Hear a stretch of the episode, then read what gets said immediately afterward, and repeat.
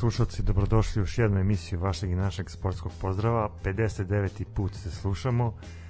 Današnju emisiju počinjemo u jednom prazničnom raspoloženju, obzirom da smo posle duže vremena ponovo svi na okupu. Vratija se, vratija se ljudi moji.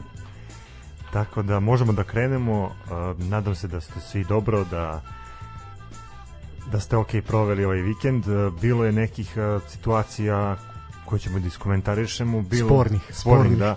Bilo je situacija koje su eto ostavile dubok trag u, u sportu između ostalog. Eto, napustio nas je Momčal Moca Vukotić, napustio nas je i Stevan Jalovac. Stvarno jedan veliki gubitak za naš nacionalni sport, ali šta ćete, takav je život. Nadamo se da će oni, ne znam, na nekom drugom mestu pratiti pomno razvoj našeg sporta i eto mi ovim putem ovaj želimo pa da počivaju miru. Pa da, saučešće naravno porodici, prijateljima, kolegama da tako kažemo, svima onima koji su poznavali poznavali ovaj i Mocu Ukotića, a i mladog, mladog Jelovca. Uh, no dobro, njih ćemo se dotaknuti, dotaknuti i nešto, nešto kasnije. Ovaj svakako moramo pričati o Moci Ukotiću, to je jedna ozbiljna, ozbiljna legenda ovaj jugoslovenskog prvo i pre svega fudbala, onda naravno i ovog našeg domaćeg. Ovaj i zaista jedan neizbrisiv trag ovaj ostavio na terenima bivše nam zajedničke države. No, ajde ovako, prvo i pre svega, dobroveči s moje strane. Stefane, hvala Bogu, tu si ponovo. Ovaj, daj, kako je bilo na teritoriji Evropske unije? Daj malo nas, ono, obradu nas nečim, da, ja da negde je trava zelenija malo. Znaš kako, jeste trava zelenija, pogotovo u Sloveniji. Ja sam bio nešto poslom ovaj, u Sloveniji i Hrvatskoj i ono što sam eto imao prilike da, da vidim između ostalog, osim te čistote u Sloveniji i, i Hrvatskoj, bio sam na stadionu Slavena Belupa Aha, u Koprivnici? Da, u Koprivnici i mogu ti kažem onako fin stadion, fino mesto, ljudi su bili jako prijatni. Pričali smo o futbolu, pričali su o nekim njihovim planovima za ovu sezonu. U suštini biće gusto. Biće gusto, da. Smena trenera, ovaj nakon odlaska Tomislava Stipića tamo je ovaj uh, onako poremetilo ih je poprilično, ali ono što mene raduje da uh, je Alfa i Omega Slaven Belupa trenutno Nemanja Glavčić ovaj naš momak koji ovaj ponika u Partizanovoj školi koji zaista tamo vuče vuče konci onako jedan pa kako oni su svi ponosni na njega stvarno ova sezona je njegova. Da pa prethodna i ova da da. Briljira ove sezone. E sad koliko će to biti ispraćeno ispraćeno da. videćemo ovaj. Mislim eto raduje ta činjenica da eto da neko od naših uslovno rečeno. Pa da uslovno rečeno ovaj, ima neki udao u, mm -hmm. u izgradnji tog uh, hrvatskog nogometa, da, da se tako izrazim. Kako ti se čini stadion? S obzirom da je re, taj stadion u Koprivnici najslabiji pod znacima navoda od svih koji učestvuju u prvoj, prvoj HNL-u, u prvoj ligi Hrvatske, uh, on ima samo jednu tribinu. Samo jednu tribinu, da. Da, druga strana su ove reklame su postavljene. Tako je. Kako ti deluje kvalitet terena, ta tribina? A ovako, znaš kako, ja bih ga uporedio sa možda stadionom Rada. Dobro. Jedna velika tribina, uh, veliki semafor, uh, nekako mi se čini caj, ceo taj prilaz stadionu je bukvalno urađen kao taj stadion Kralja Petra na Banjici. Uh, mislim da stadion sam po sebi nije loš, ovaj, zadovoljava neki kriterijum eto, za, za tu prvu uh, ligu ali definitivno za to mesto ja mislim da je pogodan baš onako kako, kako izgrađen. Da, znači, da. ta jedna tribina, to je, to je sad, uh, znaš kako, uvijek gledamo i tu stranu da kod nas, uh, da bi Superligaš učestvovao u takmičenju, mora da ima minimum dve tribine, što zbog navijača, što zbog eto, nekog uh, protokola lige, jer kao računate da vam dolazi Zvezda Partizan između ostalog i Vojvodina, Rad, ranije gostovo, ove sezone ne, u, prv, u Superligi i onda imate tu situaciju da kao stavite domaće stanovništvo domaće gledaoce na jednu tribinu, a gostujuće navijače na, na drugu.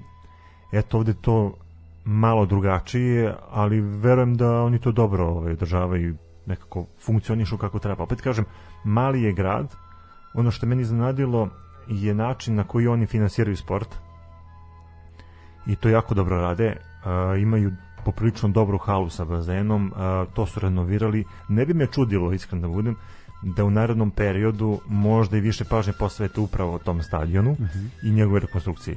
Da, ovaj, ja sam malo, mislim, zna, znaju svi ko sluša nas i znaš ti da ja pratim ovaj, te regionalne lige i mogu reći da je primer Slaven Belupa jako zanimljiv i cijela ta priča oko tog kluba jer su oni uh, ušli onako tiho jel, u tu prvu ligu, pa je bilo daj samo da se opstane, pa onda naš par sezona borba za opstanak, pa onda već posle nekog kad je malo ono upgrade se klub, je onda sad već sredina tabele, pa se borimo sve, pa možda zavreba i nešto u kupu, znaš, pa malo što se ne otkinuli bodove Dinamu, naš Dinamo, Hajduk već postaju redovne mušterije, zna se da se pobedi favorit, tako da to je neki primer onako kako postepeno, bez upumpavanja velikih para, znači onog instant projekta, može nešto da se napravi. Znači neki rezultat je tu, neki sistem je sistem je prisutan. Ok, taj ono što su imali pod Tomislavom Stipićem kao jednim mladim trenerom koji je kalio zanat u, u ovaj u Nemačkoj, ovaj čovjek je došao tu, lepo se adaptirao. To Tomislav Stipić je dete imigranata, jel on nije ovaj nikad ni živeo ovde na ovim prostorima, da je čak i jako se mučio i sa govorom, jel i sve tako dalje sa jezikom, ali je doneo nešto evropski. I onda posle svakog trenera su naš opet jedan stepenik više i posle svake godine i svake sezone što je primer kako klub treba da treba da funkcioniše. A, a Slovenija? Pa eto, Slovenija Ljubljana, imam tu jednu zanimljivu anegdotu, pošto sam se trudio da ispratim evropske nastupe e, naših predstavnika Crvene zvezde i Partizana. Crvenu zvezdu sam gledao prvo polovreme u pubu i naleteo na dva Engleza, navijača Tottenhema. Aha, za to vreme, e, da. Koji su gledali meč između Mure i Tottenhema, ali nisu uspeli da nađu karte za utakmicu koja se igrala u Mariboru.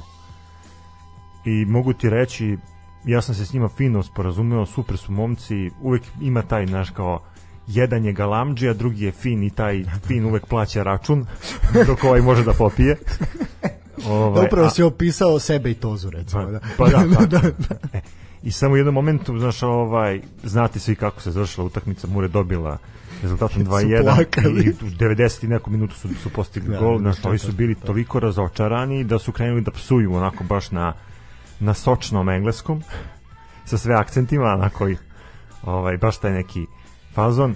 I u tom trenutku ulazi uh, čovek koji je ono Albana sa Kosova i koji kreće u fazonu kao ma kao ovi Englezi oni nikad nisu ništa bili posebno kakav Totekin kao oni ne znaju da igraju fudbal i u tom trenutku znaš kao ti čuješ čoveka koji na tečnom srpskom priča to i onda kao shvatiš ako čoveče kao gde se ti nalazi znaš, kao to je meni ono highlights naravno Partizan je tu uspio da se izblamira to moram da, da, da napomenem vi, vi ste verovatno komentarisali yes, to svakako ali ja moram da, da, da, da kažem eto uspio da upiše još jednu veliku blamažu u nizu svojih blamaža. Pa vidi zlatnim slovima. Ova je zlatnim pa da, slovima. Pa da, mislim da, da ako se sve dobro odvija ovaj, u četvrtak i ako se sve završi kako treba, ta će blamaža ostati onako možda i, i najblaža, da će vrlo brzo ljudi zaboraviti na nju. Zašto imam neki osjećaj da to neće biti najblaže što nas čeka. Ali ja to... moram samo da, da, da, da pozdravim ljude koji su eto, imali prilike da,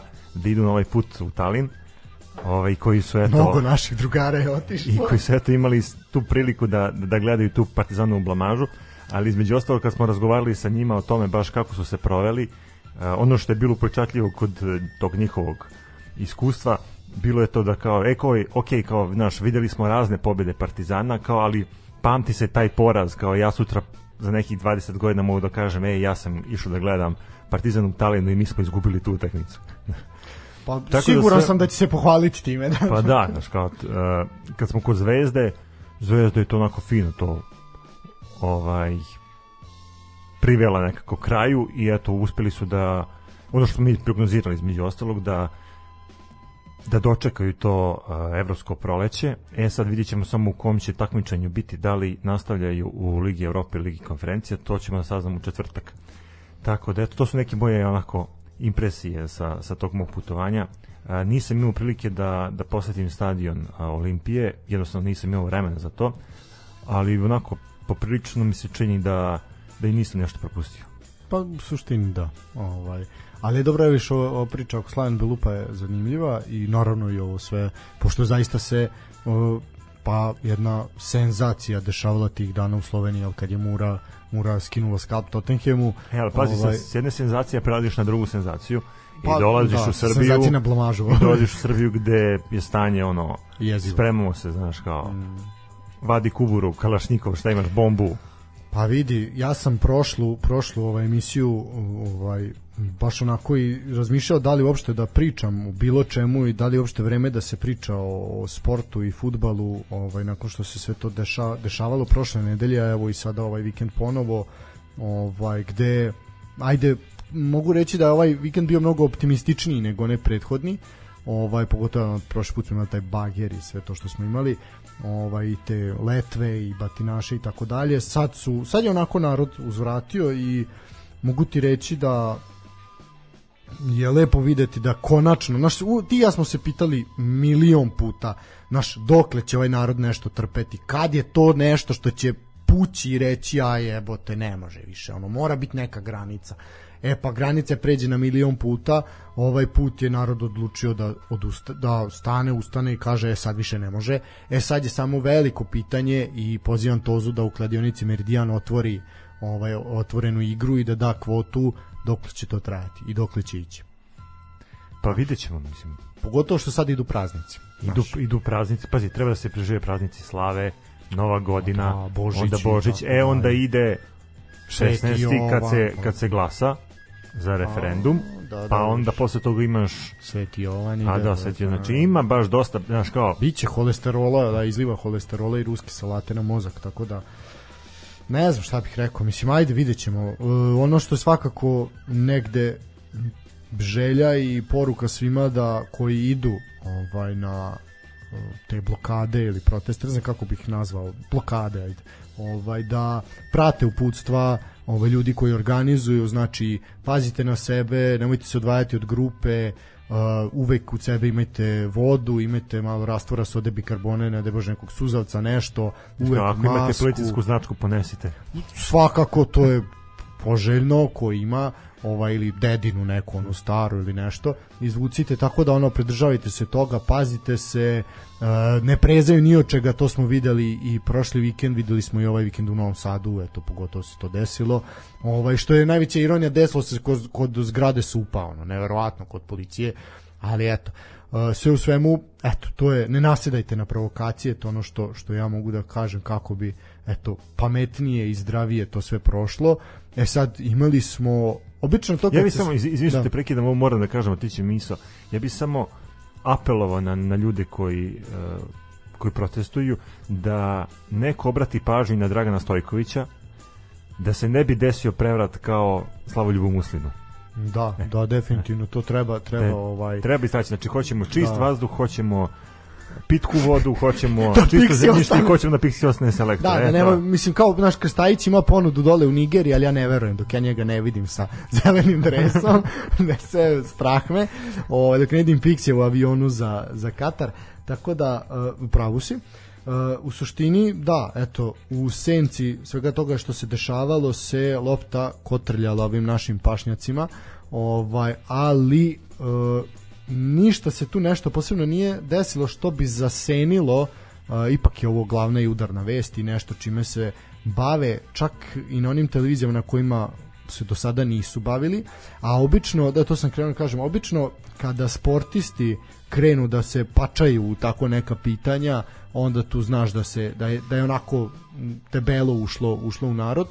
A, imali smo po prvi put reakcije sada na od kako su krenuli ti protesti i šetnje protestne od kad je predsjednik Pa imamo i te izabran. javne ličnosti znaš, koje, se, Pa da. koje se javljaju u Ali emisijama pri- koje pritom sad govore, mislim baš na sportiste, a između da. ostalo eto javljaju se sportisti eto Da, vidimo izjavu no, Novaka Đokovića Imali smo i Mirka Ivanića, Da. što je isto onako meni više, ajde mi Mirko Ivanić je nekom nama mnogo bliži, jer je tu jedno, Đoković može se javi iz Monte Carlo, ono, to je manje više, ovaj, nas ne dotiče toliko, ali eto, Mirko Ivanić je dečko koji je tu, ovaj, sa, sa lokala, što bi rekli, ovaj, i to me onako poprilično iznenadilo. Nije on bio jedini, naravno, ali eto, Novak Đoković se oglasio i sad, naš Novak Đoković je prvo jedna ozbiljna, oz, marketinški brend Znaš, i sad kad neko, kao što je on zauzme neku stranu, mada se on odmah jel ogradio kako nije ništa, ali to već onda govori nešto. E sad vidjet ćemo kako će se to odraziti. Iako me zanima koga će vlast poslati od političara da krene da pljuje Novaka Đokovića. Da li da oni to smeju uopšte da rade? Pa krenule su, vidiš, i, Jel bilo? Bi, bilo je tabloidnih naslova u, u današnjim medijima, Ja to nisam ispratio. ali onda se to desilo da eto, on je na kraju rekao da ok, ja sam se zalažem za očuvanje prirode i ništa više, samo to. Pa dobro, dobro. U suštini, ovaj, imaš nešto da dodamo na ove ekološke teme? Tanja, imaš nešto ti da kažeš? Na Ne? ekološki. Da, ovaj, kao mladi student sad u Novom Sadu. Ovaj, Možemo da se dotaknemo teme, eto, Blic je danas izbacio uh, i hvala Dašku i Mlađi koji su nam ostavili ovaj predivan članak iz Blica, 50. ovaj, 50 najuticajnijih uh, sportskih radnika, sportista kako Pa, god. da, Da, najuticajnijih ljudi, Ljudi u u sportu, sportu. da. Eto pa bi možda to mogli da, da, da prokomentarišemo. Pa može, ajde, to možemo kratko pa da idemo na idemo na ovaj Hoćemo, pesmicu. hoćemo dozgo ili od... Ajde od ajde od poslednjeg kreni. Pa eto, znači poslednji 50. mesto zauzeo je Damir Mikec. A da, ajde beš. Dobro, ajde dalje. E, idemo na 49. je Siniša Mihajlović. Au, čekaj, a u, u sportu u Srbiji, jel? Pa da, ili, da, da, ili, da. ili Srba u svetu. Kako pa se ne, vodi? to znači ono mu izgleda onako je. Pa dobro jeste, Siniša vezano za, Mihajlović- za, za našu zemlju. Misliš onda. da je Siniša Mihajlović loše pozicioniran? Ja mislim da bi trebao biti više. Ajde imamo koga još ima. Dragan Obradović. A, na kog Dragana Obradovića se misli? Evo sad ćemo funkcioner koji sa velikim uspehom vodi klub. E, Čukarički. A da, da, da, kako da ne. Dobro, da. A sad vidiš, da li je on iznad Siniše Mihajlovića? Hm, to je sad vrlo dobro pitanje. Pa znaš kako, da su došli malo dalje u kvalifikacijama. Nisu ovi izbacili, da, dobro, ajde, okej. e, idemo 47. E, Milena Delić. Znaš ti nju?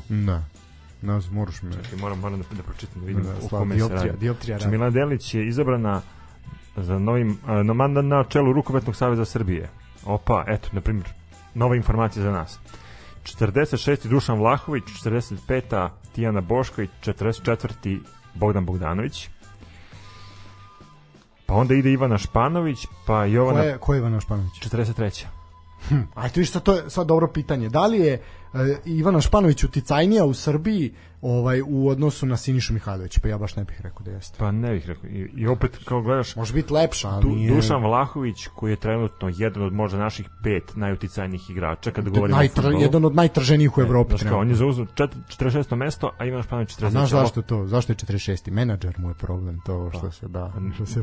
Nije ga gurno jače ga, da, da, da. da. E, onda ide 42. mesto Jovana Preković, pa 41. Uroš Kovačević, Odbojkaš, jel? da, da, dvojkaš, i onda ide 40. mesto Milica Mandić. Pa dobro vidi Milica Mandić ako ti zune šamarčinu, ovaj može biti bolje pozicionirana, tako da neka nje, nećemo se nje dirati. E, onda idemo 39. mesto je Ivan Knežević, generalni sekretar Odbojkaškog saveza. Da, to već kreću funkcioneri, da. Pa Marina Maljković i onda idemo 37. Ivica Tončev. Ne, Novica Tončev. Novica. pardon. A čekaj, bila je neka vest, se pa ja sad ne znam kako se sti- stiglo to da da je neko suspendovan, jel Novica suspendovan iz fudbala ili jel piše tu nešto?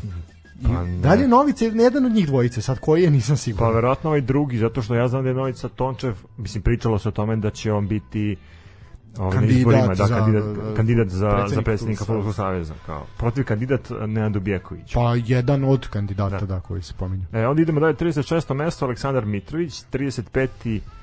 Nenad Lalović, mislim i opet kao La- Lalović ispred uh, Mitrovića, pa onda 34. mesto Falji Ramadani.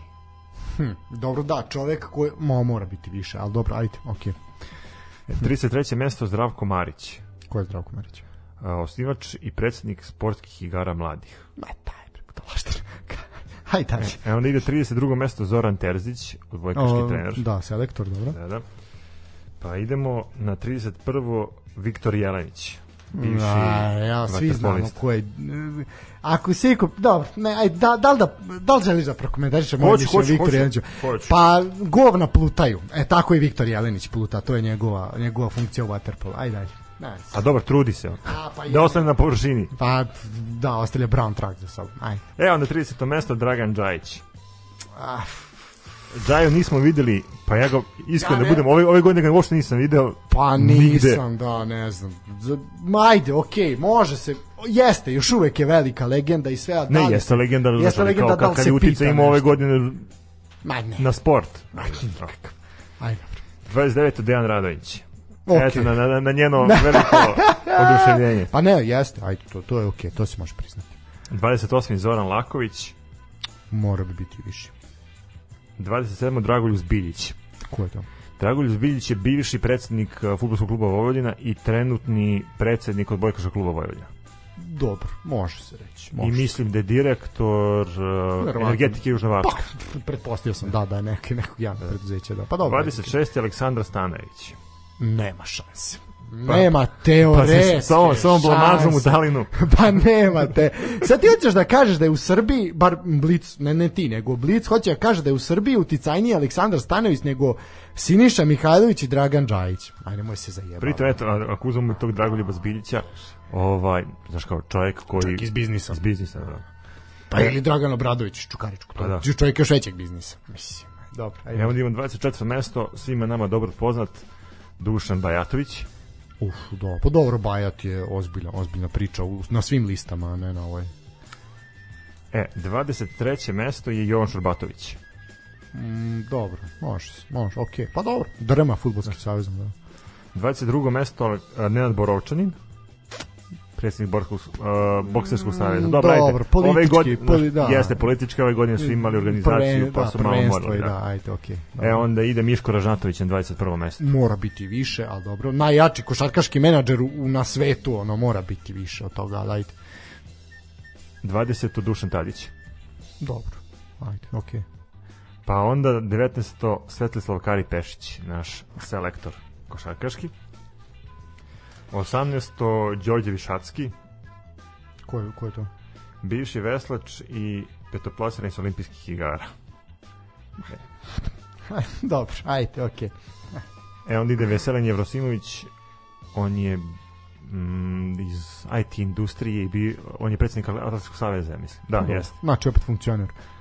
Da, da. E, onda ide svima nama dobro poznat iz sveta futbala, 16. mesto, Žarko Zečajić. A, dobro, s obzirom da trenutno deluje iz senke, da se oglašava samo po potrebi, može. Pritom da je, ovaj, mislim, zaposlen u olimpijskom komitetu. Ima neku funkciju, to znam. Dobro. E, da, da, kaže, član izvršnog odbora OKS, znači, pogodio sam. E, onda ide 15. mesto Dejan Savić i tebi omiljeni na 14. Milojod Vučelić.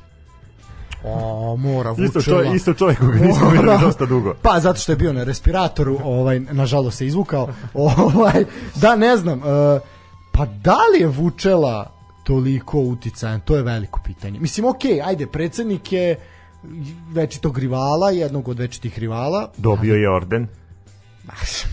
A dobro, ali dobro da, s obzirom, ako pogledaš celu njegovu karijeru, Ne. pod znacima navoda, Slažem se, ali ako pogledaš to da je predsjednik ranije delio ordene šakom i kapom, a da ove godine ipak to malo pa redukovao, dobro, da, malo smo ovaj Tomi, još uvek se otplaćuje izrada ovih Tominih ordena što je podelio naš, pa mora malo da se stabilizacija odredi. Dobro je, daj, E. I onda ide 13. mesto Nenad Vjeković. Pa dobro, č- ok, ako se gleda ova godina, Bjeković je ono, vršilac dužnosti, predsjednika Futbolskog saveza i to je sasvim u redu. Da, mislim, verovatno neće ostati na toj funkciji, ovaj, jer vi- verovatno Pa ja sam- da je, ne može pro, protivno je statutu zbog broja godina. Jedino znači ukoliko bi skupština izglasala promenu statuta fudbalskog saveza gde osoba starija od 70 godina može. To su oni promenili nakon što su Toleta smenili. Kokeza je to promenio da ne može biti osoba starija od 70 i koju godinu.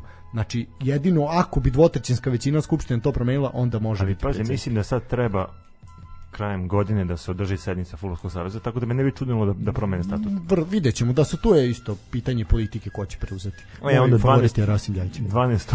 mesto ćeš. e, Nikola Jokić. Mm, dobro, ajde, to ću prokomentarisati nakon što mi kažeš top 10. Znaš kako ja kao posmatrajući ovaj i njega isto kao brend i kad vidim da, no, da nam izlazi iz frižidera sa, sa guarana stikerima Pa dobro da, jeste i, pravo. i jelen pivom šalu na stranu, ovaj, stvarno mislim da je zaslužio možda čak i, i, i veću Zato sam rekao da neću prekomentirati dok ne vidim ko su ovih u top 10, pa ću onda reći dalje. E, onda idemo deseto mesto, ne, 11. pardon, Željko Bradović. Mm, dobro. S obzirom da se vratio sad u Srbiju posle dugo vremena, okej, ajde, može, top, možda je zaslužio top 10. E, sad idemo top 10. Ajde. Sad Deseto mesto, Vanjo Dovičić. Ma kakvi. Ma, Vanja Udojičić se ne pita, kad sedi na WC šolji sam se ne pita ništa.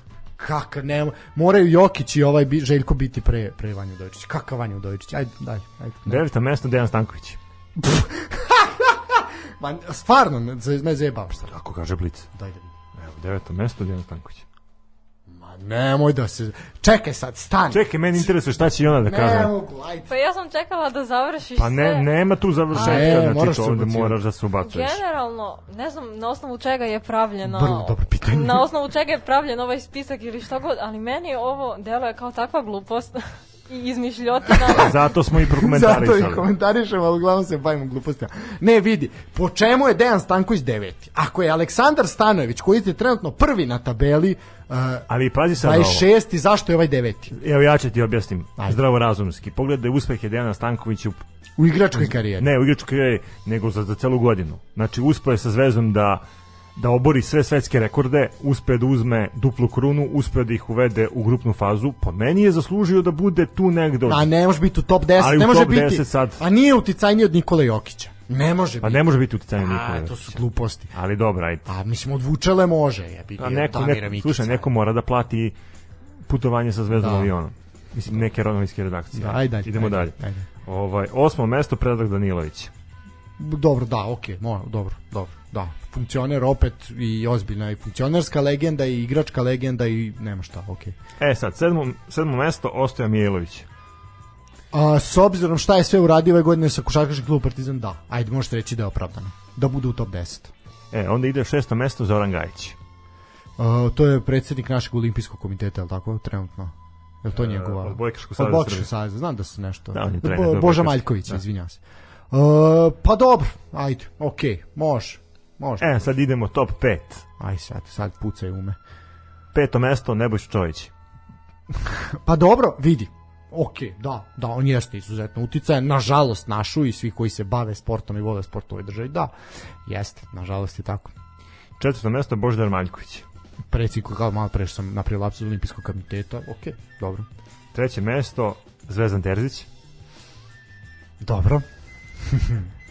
Drugo mesto, Dragan Stojković Piksi. I prvo mesto. I prvo mesto, ko drugi nego, Nego Novak Đoković. Ok, aj sad možemo ako prokomentarisati kad se sve Može, to. naravno. Znači, Đoković zasluženo, tu ne priča. Po meni, broj 2 mora biti Nikola Jokić. E onda treći može bude Pixi. A od Terzić, mislim, tu realno od ovih 50 možeš napraviti listu u koje treba smestiti u ćeliju pa da tamo budu Ali znaš kako, ja bi napravio možda podvrste.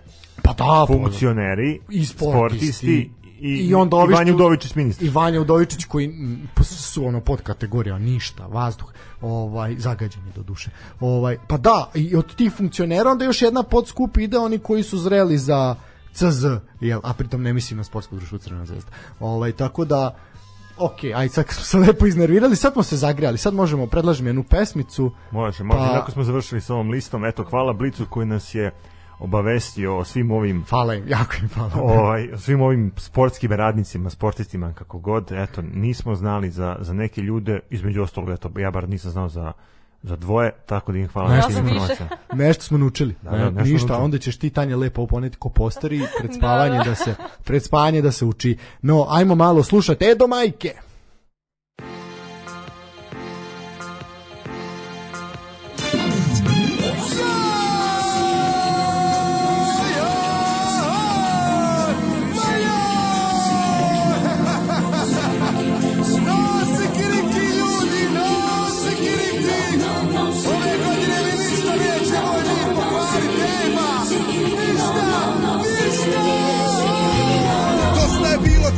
Tjeskobe i sa deprama borbe Dosta je bilo crnjaka, no sikiriki majka No sikiriki, meditacije riki. Sve probleme kad pogledam su mali ko kikiriki Navučem se na bedove, sve mi gore od goreg Al sad se navlačim da mi bude sve bolje od boljeg.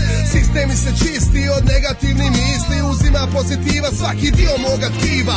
Negativne emocije, 103 porcije Ispacujem van da sreća ima svoj stan Da ne bude postanar. U meni na kratko vrijeme Ovaj put za stalno pušta korijen daje sjeme koje klija Pravi gustu baštu, ma pravi gustu džunglu bez milimetra za tugu. A ja kralj svoje džungle letim sa lijane na lijanu Pazim svoju speću, kalemim joj svaku granu. No, sikiriki, sikiriki, no, no S pedovima, problemima, sad je gotovo za sva vremena. Sutra si ja život ponovo je lijep Jedno majka roka, no sikiriki, rep. No, sikiriki, sikiriki, no, no. S pedovima, problemima, je gotovo za sva vremena. Sutra si ja život ponovo je lijep. Jedno majka roka, no sikiriki, rep Cijelo vrijeme trošio živce na kretene, čisto stranje Popušto gubio samopouzdanje, gubio sebe, gubio sigurnost. Trošio sam vrijeme na mozganje i na neodlučnost. A sad sam zadovoljan sobom, volim i prihvaćam sebe. Kad se desi nešto loše, kažem ono koga jebe? Kaže mir, potpuni mir, om sa i ram Ma bit će sve u dure, Bog je tu, konačno znam. Al znat nije dosta, treba to i primijenit. Cijelu životnu konstrukciju treba promijenit. Sve loše navike što me dovode do panike. Misli što daju nemir, bolesno srce i čin. Ma ja sam sve mir Vječno božansko biće, treba biti svjestan toga Ta svijest je moja droga. Tražio sam pit, dobio sam tri broja Pronaću taj zadnji jer pun mi kurac više pati. No sikiriki, no no sikiriki Dobar kao burek što ga pravi hakiki. Pozitiva majka, dok uživa muziki. Ovo je nešto najbolje, rep no sikiriki. No sikiriki, sikiriki no no. S bedovima, problemima sad je gotovo za sva vremena. Sunce sija, život ponovo je lijep Jedno majka roka, no sikiriki rep No sikiriki, sikiriki no no. S bedovima, problemima sad je gotovo za sva vremena. Sunce sija, život ponovo je lijep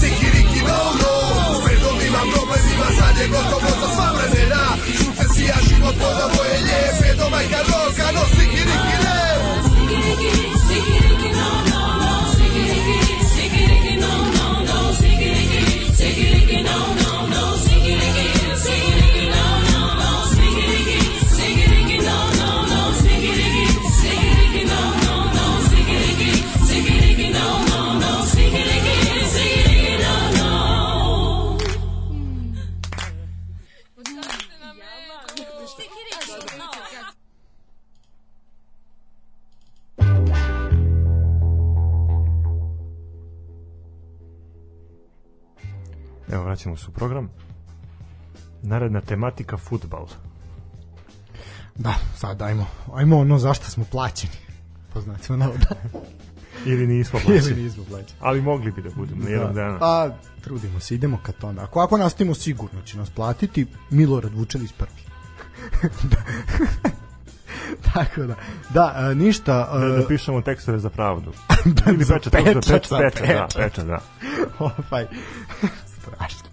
Lupića na pečat po glavi, ako smo zajebavali ovako. E, sad, dobro, odigrano je su, odigrani su dueli e, osmine finala e, Kupa Srbije i to je to što se tiče Kupa Srbije za u 2021. godinu nastavak takmičenja na proleće e sad Uh, idemo, Kad se steknu uslovi. kad se steknu uslovi da vidjet ćemo će li biti snega kad okopni sneg onda će, onda će se ovaj, nastaviti tamo negde u martu i aprilu a sad što se tiče ovih rezultata od, to se igralo ovaj 30. prvog i drugog uh, prva utakmica je bila, kao što smo najavili Tanja i ja prošli put, zapravo prošli put sam bio samo ja Tanja i ti te pišem izostanak isto, neopravdani.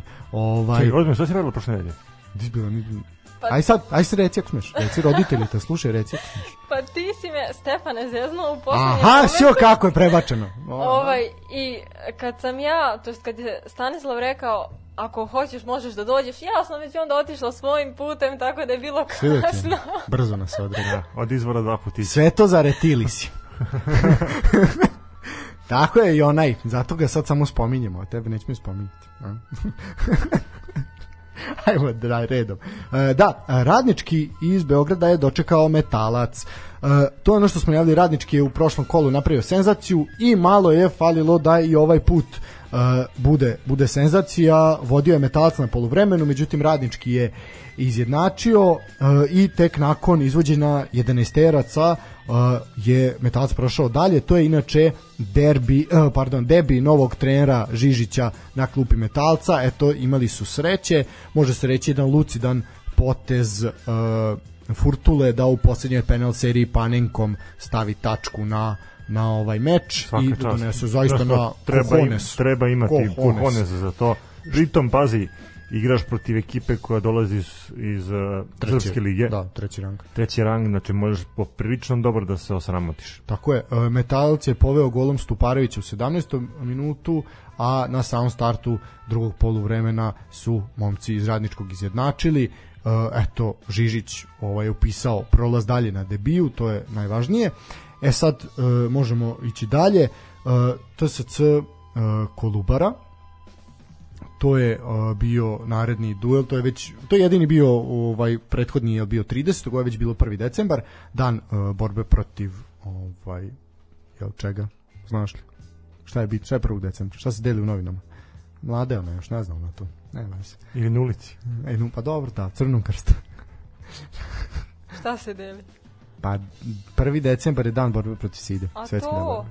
Joj, Ne, ovi ne, mladi ne, čekaj, ne- čekaj, čekaj, pogledaj se ne razume, ne deli se sida. Ne nego deli se sida, nego da ne bi se delila, onda se to bori protiv toga. Da, da, da.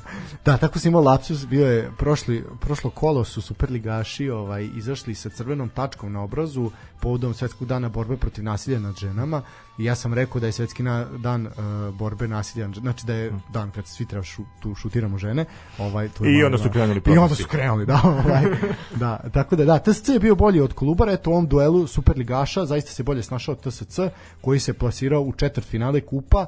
A, Stefan Vukić je u fantastičnoj formi, evo čovjek je opet bio strelac, a, ali ono je to što će se pamtiti je svakako fantastičan pogodak Đuranovića koji isto u dobroj, dobroj seriji i verovatno će na kraju, ako ne već u ovom prelaznom roku, ali na kraju sezone definitivno preći u neki bolji i veći klub. Lobova je golmana Filipovića sa preko 35 metara, a, trenerski debi Žarka Lazetića na klupi TSC, pobeda, vrlo, vrlo lepo. Kako ti vidiš tu priču oko Lazetića u TSC-u?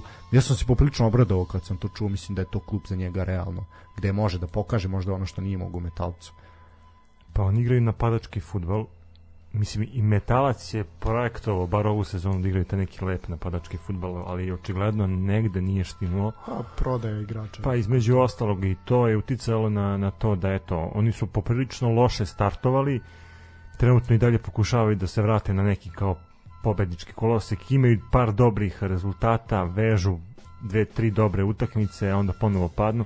Sve u svemu, bit će interesantno gledati ih uh, cele sezone, mada sa ovim načinom igre, meni su onim tu u donjem delu tabele, odnosno u play-outu, ali ajde vidjet ćemo ovaj, kako će to ići na, na kraju sa novim trenerom sa za TSC i mi je drago da su konačno uspeli da pronađu čoveka koji odgovara po njihovom nekom stilu i načinu igre.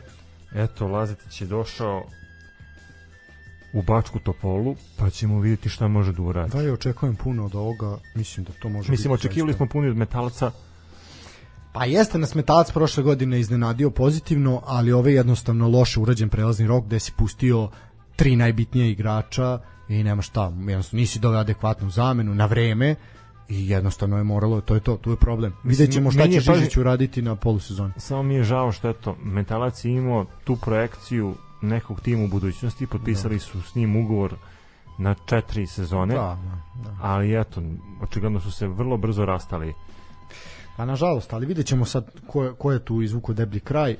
E sad, senzacija u kupu je ponovo viđena i opet je isti tim zaslužan, a to je tim koji dobija novi stadion.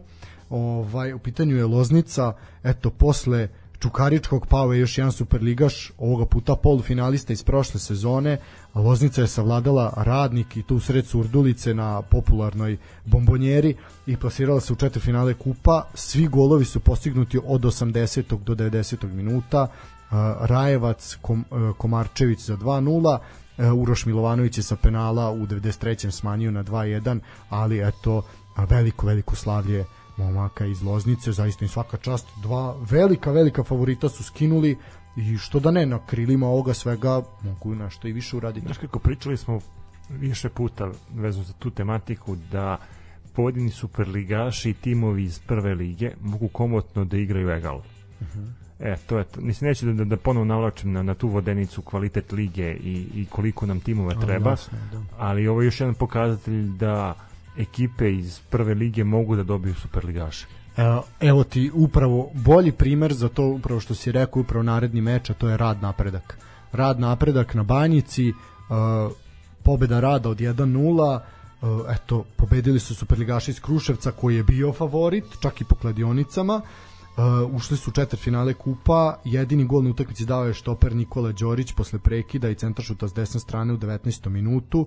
Napredak uh, jako malo pokazao, jednostavno nije nisu uspeli da slome slome rad, a bili su favoriti. I po onome što pružaju u Superligi, po meni je ovo izuzetno razočarenje. Ja ću ti reći, meni je rad poprilično misterija ove sezone. Svima je.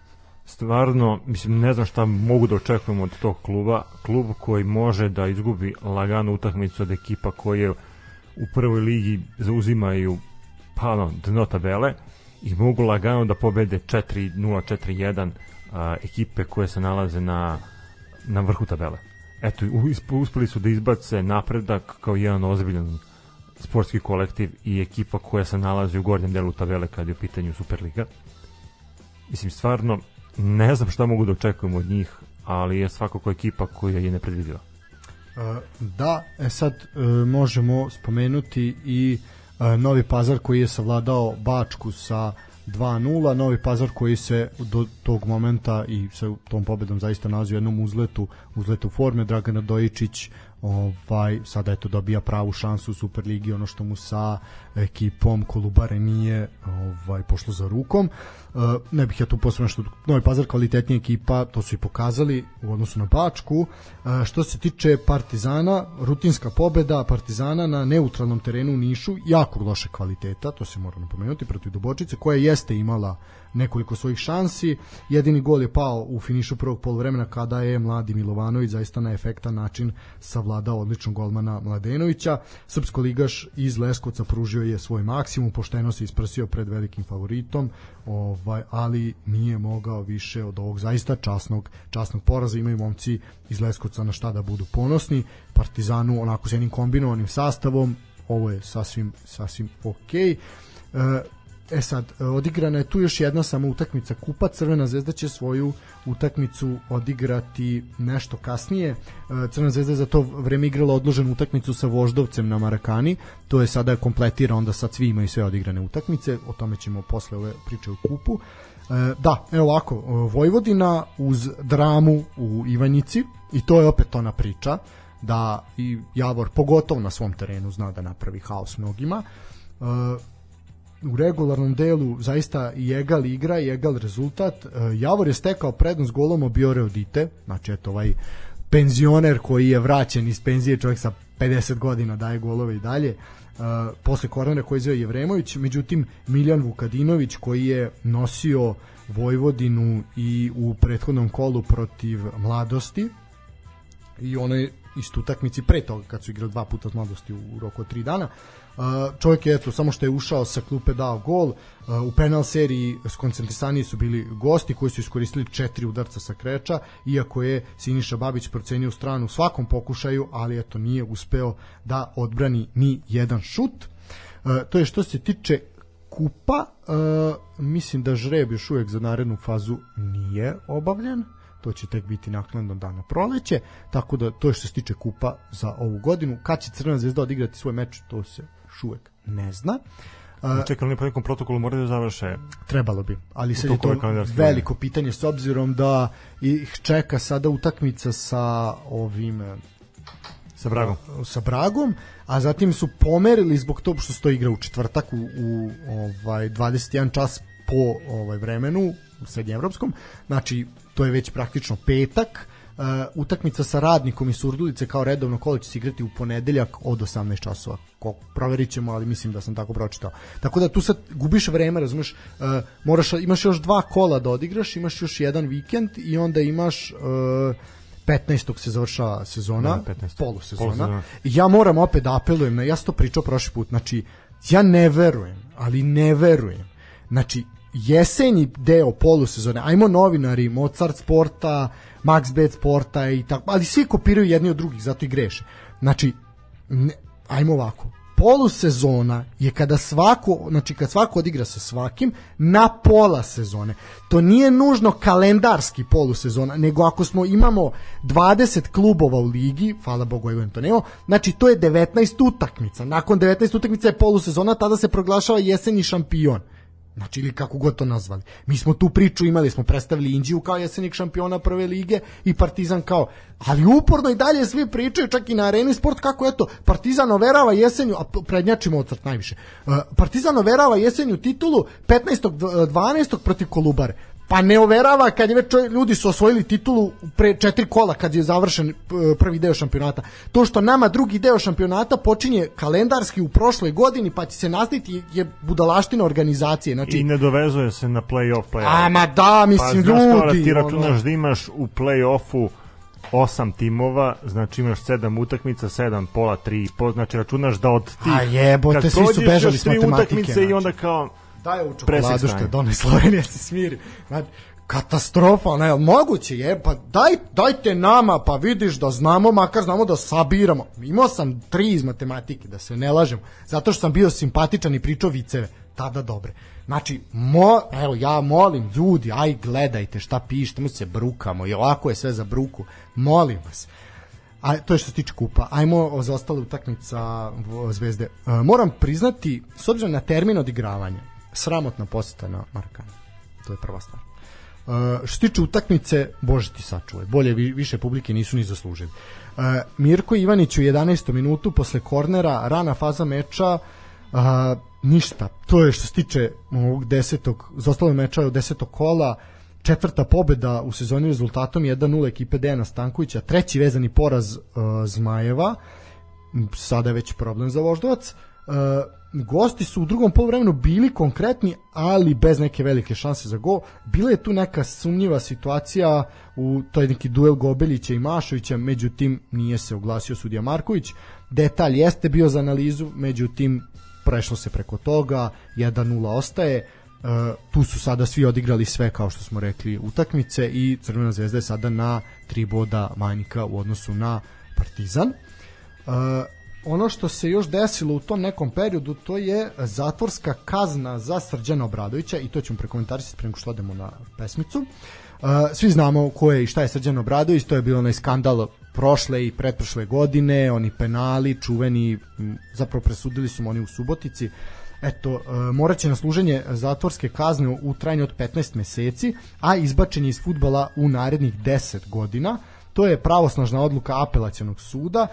Srđan Obradović priveden je posle meča Spartak Radnički 2-0, svi se sećamo ovaj, zbog svetla ovaj reflektora. On je zbog iskorišćavanja službenog položaja i favorizovanja domaćeg tima na utakmici odigranoj u Subotici 13. maja 2018. godine osuđen na ovu kaznu i makar su svi to tako preneli da je ovim stavljena tačka na jedan od najvećih skandala u istoriji futbala srpskog futbala. Evo ovako. Znaš kako, ja mislim da, da je on samo bio kolateralna šteta, na nekog je moralo to da se okay. svali. Istina. Kakav je bio epilog svega toga, kako smo bili zaokupljeni tim svim situacijama i tim svim stvarima i koliko je UEFA vršila monitoring nad uh, Superligom. To smo videli i sezonu nakon ove. Tako je, kad pogledaš da je samo jedan čovjek stradao, baš nešto i...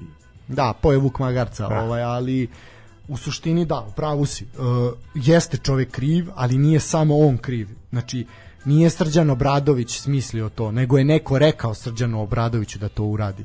A ko mu je rekao? Znači, uh, vidi, uz organizovani kriminal uh, nameštanje u futbolu je jako teško dokazivo. Uh, ali ne može samo sudija biti kriv. Nikad nije samo sudija kriv. Znači, po ovo, ovo je samo to upravo što ti rekao, ovo je čisto onako ajde da se kaže da smo nešto kao, uradili da se nije vaterpolo, vaterpolo je sport u kome da. sudije direktno može da utiče na ishod utakmice. Ovo ti je futbal. I ti imaš samo jednog čoveka koji na kraju dobio kaznu a svi su znali da su nameštali i nameštalo se, više se nije znalo ko s kim, ko protiv koga. Ma, to, pa, pa vidi, imali smo koliko, 30 utakmica je bilo na UEFA-inoj listi prošle sezone, znači Evropa nam se smejala šta smo radili, tako da ko, kad će se to procesuirati? Mislim, ovo ja mislim da je samo eto da bi se UEFA malo, u Čeferin malo smirili, to, to je ono kako ja vidim. Po meni to nije zagrebano ništa ispod podloga. Da, kako ti vidiš ovo sve? Moram i te malo da uključimo. Da, da, malo, da, mi dođemo malo sebi. Ovaj. Ono što sam ja htjela da komentarišem je ovaj, nešto što nije vezano konkretno za futbal, mislim vezano jeste za futbal, ali za suđenje, već ne za samu igru, pa sam nekako htjela da vi stavi, da vi završite sa tim to je ovaj, pregledom, da kažem, pa da onda ja stavim tačku, ali mogu ja može, slobodno može, sad. slobodno, slobodno. Eh, da. dobro, onda vi uživajte. sad malo ja da pričam, vi da slušate. Opa! Ja, opustila se. Opustila. Dobro ono što sam htjela već, eto, spomenula sam vezano je za suđenje i ima možda nekih desetak dana kako sam pročitala ovu vest i tu vest je objavio sport klub i u pitanju jeste to da futbalske sudije najvišeg ranga za svoje angažovanje, to jest u Superligi nisu od 11. kola primile ni dinar, odnosno uopšte nisu isplaćene. A sad, ne znam, vi to bolje znate, pratili ste koje je sad kolo odigrano u Superligi. 19. Sad će 19. Da. I pretpostavljam da se eto od 11. pa sad do ovog 19. ništa nije promenilo. I meni iskreno nije jasno u čemu je zapravo tu problem. Ja razumem, na primjer u tim nižim ligama, dosta sam dobro upućena u to šta se dešava u tim nekim nižim ligama kada je suđenje u pitanju, s obzirom da moja sestra sudi te međuopštinske e, utakmice, to je tu međuopštinsku ligu, izrenjaninsku ligu i drugu ligu za žene, tako da znam da i tamo nije bajna situacija, tamo je tek raspad sistema ako je već u prvoj ligi takva situacija, a s obzirom na to da u prvoj ligi sudije jel, zarađuju tako što sude, to im je jednostavno plata i od toga žive. Nekako mislim da je... Ali nisu profesionalni, izvini, moram te ispraviti. Ovaj, pa. Znači, oni svi imaju posao pored toga. Znači, ali da, okej, okay, jeste pa jedan dobro, od izvora da, prihoda. Možda nekome jeste, e, kažem, veći Da, veći, da, veći deo, mo, da. da. ne baš da sad samo sud, ili nije sad ovo, da kažem, Liga šampiona ili tako te neki da, sud kao Mažić, na primjer, da. pa da stvarno baš od toga živi, ali u svakom slučaju nije mala, ovaj, nije mala stvar kada ti neko ne plati na primjer, glavni sudija, čitala sam, ako su te informacije tačne, a pretpostavljam da jesu, da glavni sudija po utakmici dobija nekih 50 hiljada što uopšte zaista nije malo, a da pomoć da je malo malo skupoću. Da je malo čoveče, no što je to. Mislim, ne znam, ja stvarno, ja kažem kako je pisalo. Nešto mi je to puno. Tako da sad možda oni jesu to preuveličavali ili u Možda svakom... je to ukupno koliko im se duguje. Moguće, da, Možda ne znam. To. Ne, meni ne bi čudilo da, da Misliš da dobiju 50.000? Ja zaista ne znam, tako da nisam studio. Šta mi radimo, zašto mi pričamo o ovome? Gde smo mi druže? Nešto mi to. Tako da sve u svemu od 11. kola pa do evo 19. to stvarno nisu male pare i razumem što sudije jel sada protestuju i odbijaju da sude dok ih savez ne isplati, a ako sam ja isto dobro upućena, mislim da isplata sudija ne funkcioniše tako što to klubovi rade, već je futbalski savez daje novac klubovima, pa, Pa, onda oni... verovatno, Da, da, vrlo klubovi raspoređuju. Da, i onda to jednostavno tako ide, znači point, problem nije u klubovima, već je problem u samom, samom savezu, a znam, na primjer, eto mogu da prokomentarišem i sada te niže lige. Na primjer, u toj ligi gde sudi moja sestra, u početku nije bilo tih problema kada je barem, evo, sezona počela i to suđenje, problema takvih baš nije bilo sa isplatom, jer naravno tek je bio početak i neki klubovi, na primjer, isplaćuju igrače, daju novac na ruke, što je ok, a neki naravno uplaćuju na račun, sad to legne posle nekoliko dana ili kako to već funkcioniše, ja ne znam, nemam račun, meni niko Ako ništa ne tiket. uplaća. E, tako funkcioniše. Tako da, ali posle, na primjer, jedno 5-6 utakmica, sve više i više klubova je počelo da ostaje dužno sudijama i evo i do dan danas, na primjer, neke utakmice još uvek nisu isplaćene i ono, kako da kažem, na šta se klubovi vade jeste radimo na tome, da rade Pa, na isplati, ok. Tako je, bit će u narednom periodu. Pa da, i sad onda se ljudi pitaju zašto ima sve manje i manje sudija kad je laka zarada, ta, da tako kažem, a očigledno je da te zarade nema, da ne... Ne, vidi, ajde, ok, da, jeste, tako je, ali znaš kako to uglavnom funkcioniše. Uh, što se tiče manjih klubova, pod znacima navoda manjih klubova, mada isto funkcioniše u Zvezdi Partizanu. Znači, to uh, u Zvezdi Partizanu prvo igrači ne dobiju redovno novac. Znači, to je prva stvar. E sad, znači, to se dobije u, na nekom tromesečnom periodu ili već tako kvartalnom, nije ni bitno, dobije se svota novca i to se pusti. I to tako funkcioniše. Znači uvek ti unazad se pušta za par meseci. Vrlo su redki klubovi koji plaćaju redovno. Klubovi u našoj državi koji plaćaju redovno, da mi znamo, e, su TSC i Proletar. Voždovac isto tu negde. Oni daju manje... Hm? I Čukarički. I Čukarički, da, pa dobro da. Znači, ali to, i šta ti to govori, koji su to klubovi? To su klubovi koji se funkcionišu iz privatnog kapitala. Tako je. Znači, koji se ne oslanjaju na javna preduzeća, koji se ne oslanjaju na saveze i tako dalje. Oni klubovi, kao što je, na primjer, Vojvodina je klub koji se najviše oslanja na javno preduzeće i zato ljudi godinama ne primaju plate kako treba. Zato što upravo imaš tog Bajatovića koji se to nalazi na tom spisku koji zajebava. Tako da isto funkcioniše i sa sudijama. Imaš klubove koji redovno plaćaju, imaš klubove koji jednostavno nemaju čime da isplate jer čekaju da padne, padne nešto. Čekaj da padne gol. Pa čekaju da padne gol. Da, u suštini u pr... odlična priča. Da, šta uglavnom, mislim, ti eto, znaš kako funkcioniše to u tim većim ligama. Ja, na primjer, znam u toj e, gradskoj ligi Zrenjanin da se sudije isplaćuju tako što postoji zapravo taj neki dogovor da dok ne dođe ovaj kao kraj prvog dela sezone da onda moraju biti svi isplaćeni, a ako bilo je bar na plenumima tako reči o tome da ukoliko na primjer ne budu isplaćeni da će onda taj klub da bude sankcionisan na neki određeni način, Tako, na tako, primjer da neće igrati ligu ili tako nešto već bilo je reći o različitim vrstama kazni, sad ne znam da li to da li će to stupiti na snagu ili neće ili kako oni to već Tako planiraju. funkcioniše i u drugim sportovima. Tako znači da, isto, da, ne znam. A ono što isto imam da kažem jeste da meni jako, na primjer, smeta, ajde, kad sam već spomenula suđenje, sad ću malo da zađem na neku drugu stranu, ali bože moj, ovaj, ono što mi generalno smeta jeste da, na primjer, barem u Zrenjaninu kada govorimo o toj e, studijskoj organizaciji, to što dopuštaju da se za te sudije prijavljuju, odnosno u tu školu za sudije, da idu deca bukvalno koja imaju 14-15 godina, koji još uvek ne znaju šta će od svog života i oni u tome vide samo laku zaradu, da kažem, taj neki džaparac je od 2-3 hiljade po utakmici koliko se dobija, a nisu ni svesni u šta se zapravo upuštaju i da suđenje zapravo nije, da kažem, neka igra za decu i da onda treba sa 15 godina, na primjer, neko dete da mi izađe na teren koje ne zna da pokaže aut, koje ne zna šta je offside, koji ne zna u pištaljku da duva kako treba. E, zato, zato se ide, u, ide na demonstracije. Da se Zato nauči ideš da kako se naučiš da kako duvaš u se- pištaljku. Tako je.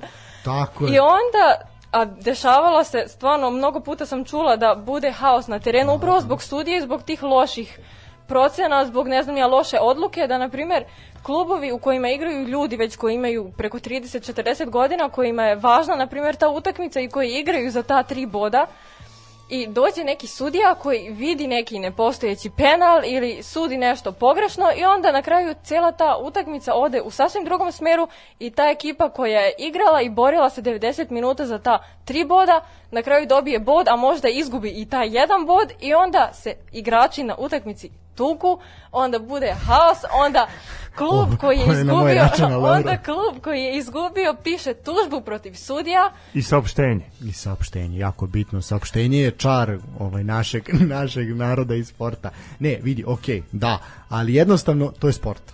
To je to. Znači, sistem je takav kakav jeste, da li on pogrešan ili ne, mi možemo da se složimo sa njim ili ne, ali takav je.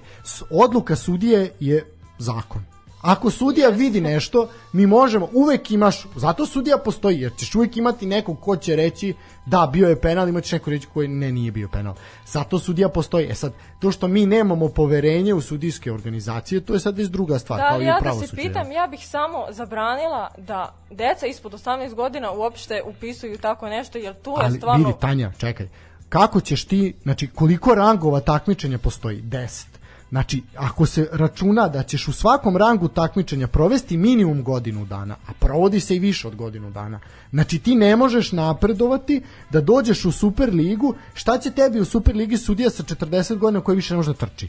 Znači mu trebati neko mlađi. Da bi taj neko mlađi imao šansu da ode u Evropu, da sudi mečeve pod, sa UEFA-inim bedžom, sa FIFA-inim bedžom i tako dalje. Znači, zato je sistem takav kakav jeste. Ali se onda ti klinci od 14-15 godina ne trebaju bacati na seniorski sport, nego sude mlađim kategorijama.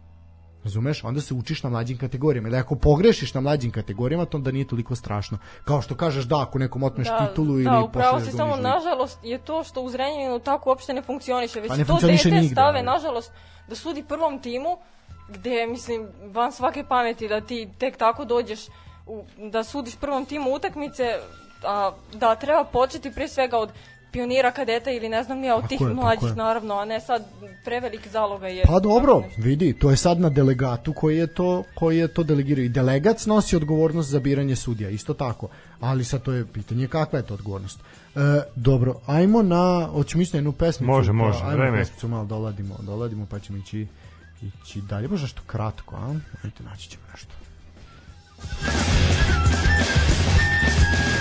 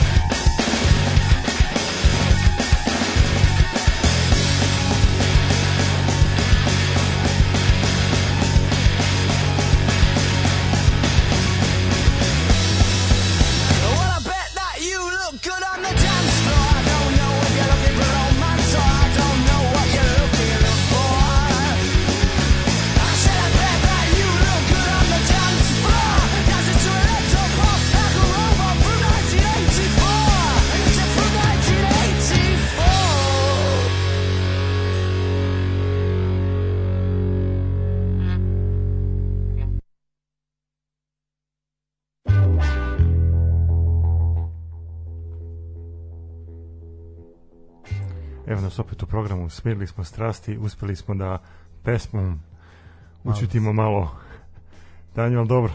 Dobro, ne. Je što pričam. Ne, ne, ne, ne, ne, ne, ne, ne, ma čekaj, ma moraš znati Ne, mi se malo samo da... malo šalimo. Mi se šaljemo, moraš znati malo da je sve fazon. Ovaj, ne, okej, dobro, mi smo govno zapravo, pa to radimo, ali to... Dobro, ne, okej, odlično, svaka čast, disertacija je bila na mestu, ali ja tebe čekam tamo na onom drugom delu, kad krenemo priču o odbojici u košarci, ali dobro, Zbog čega? ovaj, pa to je tvoje, tvoje, Aha, to je tvoja stručna oblast. stručna oblast, da. dobro. Pa jeste. Pa jeste, da. Ovo, e, dobro. E, evo nas konačno, znači, da sumiramo Da, ajde da 19. kolo to 19. Linglong kolo. Super lige. Znači, ni točajnijeg kola, ni da više sumiramo. Ovaj, Znaš kako, a, možda smo čekali pravi trenutak da ovo krenemo, Da. da, taman da se završi ova poslednja utakmica koja se danas a za- igrala. Da, pa posljednja današnjeg dana, da, da, nije posljednja u kolu. Pa da, A, da nije poslednja kolo, bravo, da. bravo, lepo se to. e, a, kolo 19. Znači, prvo kolo od početka, osim onog prvog kola, da su svi počeli sa a, jednakim a, brojem utakmica, što je eto mali kuriozitet, a, da smo uspeli to da uradimo. A, počelo je u subotu od 15 časova, jedina utakmica programa je bila Proletar Metalac u Novom Sadu. A, šta E, da kažemo? tu, tu vas čekam. Oboje, baš me interesuje kako ste vi gledali na ovu utakmicu. Znači, očaj živi. Me, meni je znači. utakmica imala totalno dva različita polovremena. Da, ali kad se suma sumarom bilo je loše. Bilo je loše, jeste. Ne, šta? Bilo je loše, ali opet uh, kiks golmana Metalca, ja ne znam koji put. Znači, ovo je već ja mi pričamo o kiksima Pa, golmana, četvrto peti, kolo, tako, četvrto da. kolo zaredom. Da znači da ljudi ja ne znam šta se dešava. Pritom ih je menjao. Znači nije branio samo jedan, nego i drugi. Obojica greše. Znači katastrofa.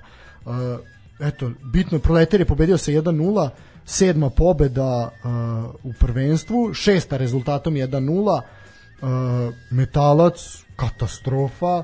Uh, trenutak odluke u samom finišu prvog polovremena kao da je golman gostio Savić primio onako Ne, mislim, znaš kako- gol, znači nevjerovatno. Ništa se pre toga nije desilo. Da. Igrač proletera je imao loptu na, na desnoj strani.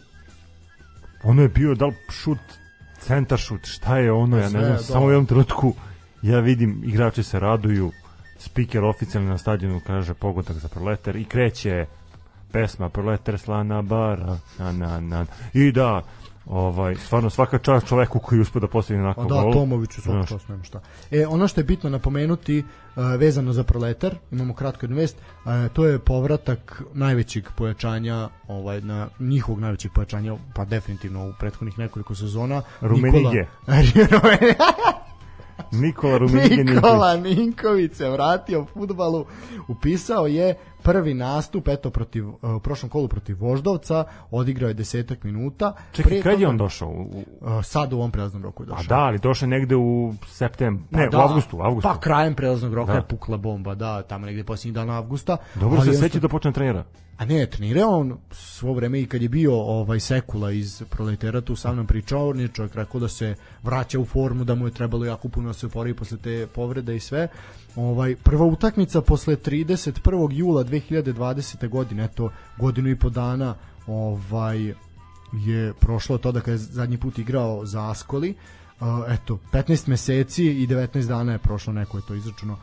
Odigrao, eto, čak i u ponedjeljak je igrao i posljednjih 25 minuta na gostovanju u Novom pazaru i videlo se da ima, nije izgubio osjećaj za futbal definitivno, kakav god on bio, mnogi će sad reći, ali definitivno se vidi zašto je otišao u seriju A.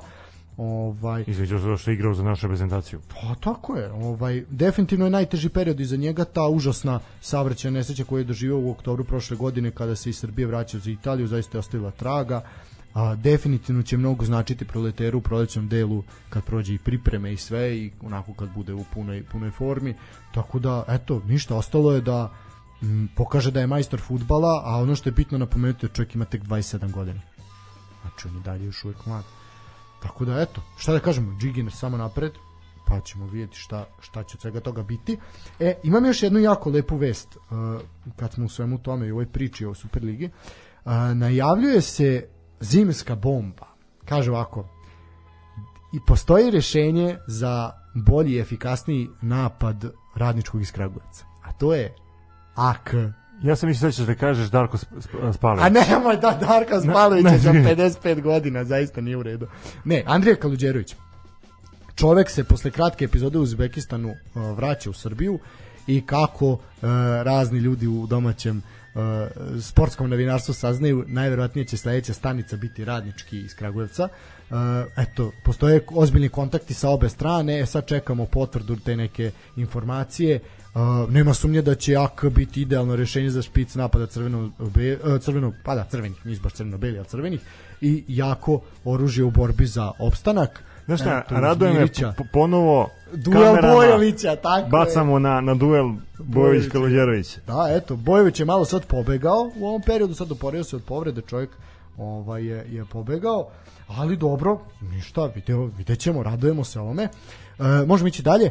Prvi meč e, nedeljnog prvog mjesta džurim da bismo stigli sve, sve ovo da pređemo što imamo. E, napredak Crvena zvezda u, pa jedan može se reći od derbija kola e, u Kruševcu, stadion mladosti je dočekao šampiona, E, 2-0 za Crvenu zvezdu, meč koji je opravdao epitet derbija, napredak je ovaj igrom ovaj u drugom poluvremenu pokazao da nije slučajno I to je isto, plasiran. bravo. Znači, eto, Da. odlično si to, to napomenuo. Ponovo imamo skroz dva različita Tako je, poluvremena. tako Prvo tako je. poluvreme gde je Zvezda dominirala, gde napredak nije mogao da pređe centar. Zvezda imala mnogo šansi i stvarno mi je čudno kako nisu uspeli bar da, Da, iskoriste. više biti od 2-0, da. A eto, otišli su na, na odmor sa, sa dva gola prednosti. U petom Rodić i 43. Kataj. I stvarno, Rodićev gol je meni odličan. ovaj, možda čak i gol kola. A, ali vidjet Pa ćemo. nije i bilo puno, pa, pa ono da. Ne, stvarno, odlična, odlično izveden korner, na prvu stativu prebačena lopta i onda je samo poklopio, nije mu bilo teško da, da postigne gol, ali onda idemo na drugo polovreme i napredak koji nije uopšte delovao kao ekipa iz prvog polovremena, počeo Da. da napada, I počeo da igra tu i situaciju Bačanina kad je na startu drugog dela ha, bio u tom nekom offside-u par milimetara jeste bio offside onako baš to bilo na blizu ali ajde odluka je takva kakva jeste. Mislim da je opravdano poništeno. Jeste, da. ovaj, da. tu nema priče. Uh, definitivno Zvezda je na, što se tiče prvog poluvremena na otvaranju i na kraju prvog poluvremena rešila pitanje ovaj pobednika. To drugo poluvreme su odradili posao kako treba bez puno nekog zapinjanja. Napredak je pokazao zašto je tu gde jeste ali i zašto i koliko im fali do uh, Crvene zvezde što se do ovog momenta do tog meča jel napredak je imao pet pobeda uh, u prvih pet meča na domaćem terenu, a danas je nastavio seriju bez triumfa u Kruševcu koja traje još od polovine septembra. Tako da eto, to je što se tiče uh, napretke Crvene zvezde. Crvena zvezda je u tom momentu bila izjednačila bodovni saldo sa Partizanom koji je nešto kasnije igrao utakmicu u Beogradu. Što se tiče te utakmice, E, možemo sad da ajde ajde ovako znači uvod za ovu utakmicu sa Novim Pazarom e, se desio u petak 3. decembra kada nas je napustila jedna od najvećih legendi Partizana i jugoslovenskog fudbala e, čuveni Momčilo Moca Vukotić čovek koji je godinama držao rekord sa najviše odigranih utakmica u crno-belom dresu, čak 791, pre nego što ga je Sašević prestigao sada već davne 2016. godine. Uh, član crno-belih postao je sa 12 godina, prošao je sve selekcije crno-belih, prvotimac je postao 1968. godine. Uh, kao igrač je sa Partizanom tri puta bio šampion Jugoslavije, kao trener je crno-bele vodio do titula u kupu i superkupu Jugoslavije. Za Partizan je igrao dva navrata od 68. do 78. i one čuvene titule ovaj kada je Partizan zaista samleo sve redom sa rekordnim brojem osvojenih bodova, ovaj sa Ivanom Golcem, Radomirom Mantićem, uh, ovim kako se zove, sad mi je mozak stao, Slobodanom Santračom i tako dalje. Uh, što se tiče na drugog perioda, on se već, znači tu jednu kratku polusezonu ga nije bilo, od 79. do 84. je uh, bio u drugom mandatu u Partizanu, kratko ćemo se samo osvrt ono zašta ga te neke starije generacije mi naravno nismo imali tu priliku nažalost da ga gledamo. I ono po čemu ga pamte starije generacije je ta odanost prema klubu gde je čovek u tom momentu bio drugi najbolji strelac francuske lige u Bordeauxu i jednostavno klub se borio za opstanak, grčevito se Partizan te godine borio za opstanak i čovek se vratio na poziv navijača, na poziv javnosti, na poziv kluba u krajnjoj liniji i vratio se i sačuvao, svakako imao značajan doprinos u tome da klub opstane u ligi te godine je bilo tu sad naši drugari Aca Pavlović i iz i tako dalje mnogo bolje baratiti tim informacijama koliko se grčevito tada Partizan borio za opstanak ali eto Partizan je uspeo i opstao. Naravno, Moca je posle još neki titule osvojio. Što se tiče uh, dresa reprezentacije Jugoslavije, on važi za jednog i važio je za jednog igrača koji je uh, to gde god pitate od Splita do Ljubljane pa od Ljubljane dole do uh, Skoplja da je to čovek koji je najmanje pružena šansa u reprezentaciji da je neko ko je zaslužio mnogo mnogo više nastupio je samo 14 puta debitovao je 20. septembra 1972. godine protiv Italije, postigao jedini gol za Jugoslaviju u porazu od 3-1, od reprezentativnog dresa se oprostio 4. oktobra, eto baš na Partizanov rođendan 78. godine u Zagrebu u utakmici protiv Španije. Spada u red najboljih, najzaslužnijih futbolera koji su nosili dres Partizana, dobio je priliku da bude prvi stručan crno-belih u sezoni 88-89. To je ona čuvena sezona kada je Partizan posle koliko 30 nešto godina uzeo kup. Nakon toga tri sezone kao stručnjak predvodio je grčki Panionios, 92. otišao na Kipar, vodio Apolon, Salaminu Etnikos, zatim i reprezentaciju Kipra. U januaru 2006. preuzeo je rumunski Farul, da bi od oktobra 2006. do januara 2007. bio trener Paoka, 2008-2009. vodio je Levadijakos, eto, ono pro čemu ga pamtimo poslednjih godina je da je bio tre, direktor omladinske škole uh, futbolskog kluba Partizan. Da, i imao je savjetodavnu ulogu Tako je. u radu reprezentacije mlade u futbolskom savezu. Ono što moje neko lično viđenje lika i dela Momčila Moce Vukotića se zapravo sagledava u toj jednoj situaciji. Ja kažem opet, uh, kao neko ko je mnogo mlađi, nisam imao tu priliku da ga gledam i kada me neko pita kog futbalera Partizana žališ što nisi možda mogao uživo da pogledaš. Moca bi bio u top 3 i ne bi možda bio prvi izbor, uh, ali definitivno naš Čika Branko koji znamo da sluša emisiju koga puta pozivam će verovatno me nalupati kad me vidi do što sam rekao, ali on je dao, on je odrastao uz Mocine bravure. Uh, uh, i verujem da je njega mnogo više pogodilo nego nas, iako i nas jeste. Elem, ono za po čemu ću ja pamtiti Mocu Vukotića iz vaht, za vahta mog života na ovoj planeti je to da je kao direktor omladinske škole redom zvao roditelje dece koje su zbog loše finansijske situacije u tom momentu još nekih drugih faktora i pritisaka počeli da povlače decu sa treninga iz omladinske škole, čak neki su pod nekim uh, lascivnim ugovorima i ponudama bili privoljeni na stranu drugu stranu Topčiderskog brda, da ih ne imenujemo ovom prilikom.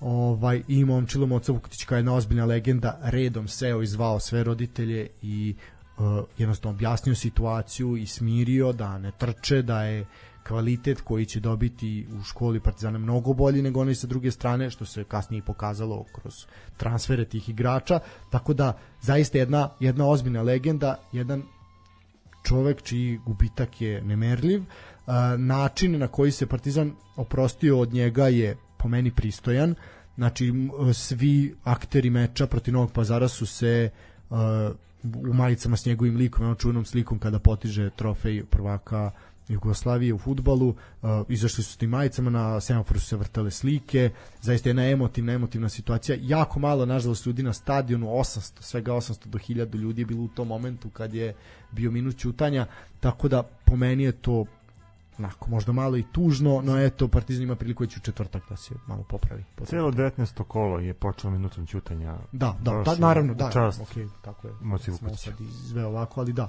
E, e sad ja imam tu jedno pitanje za tebe.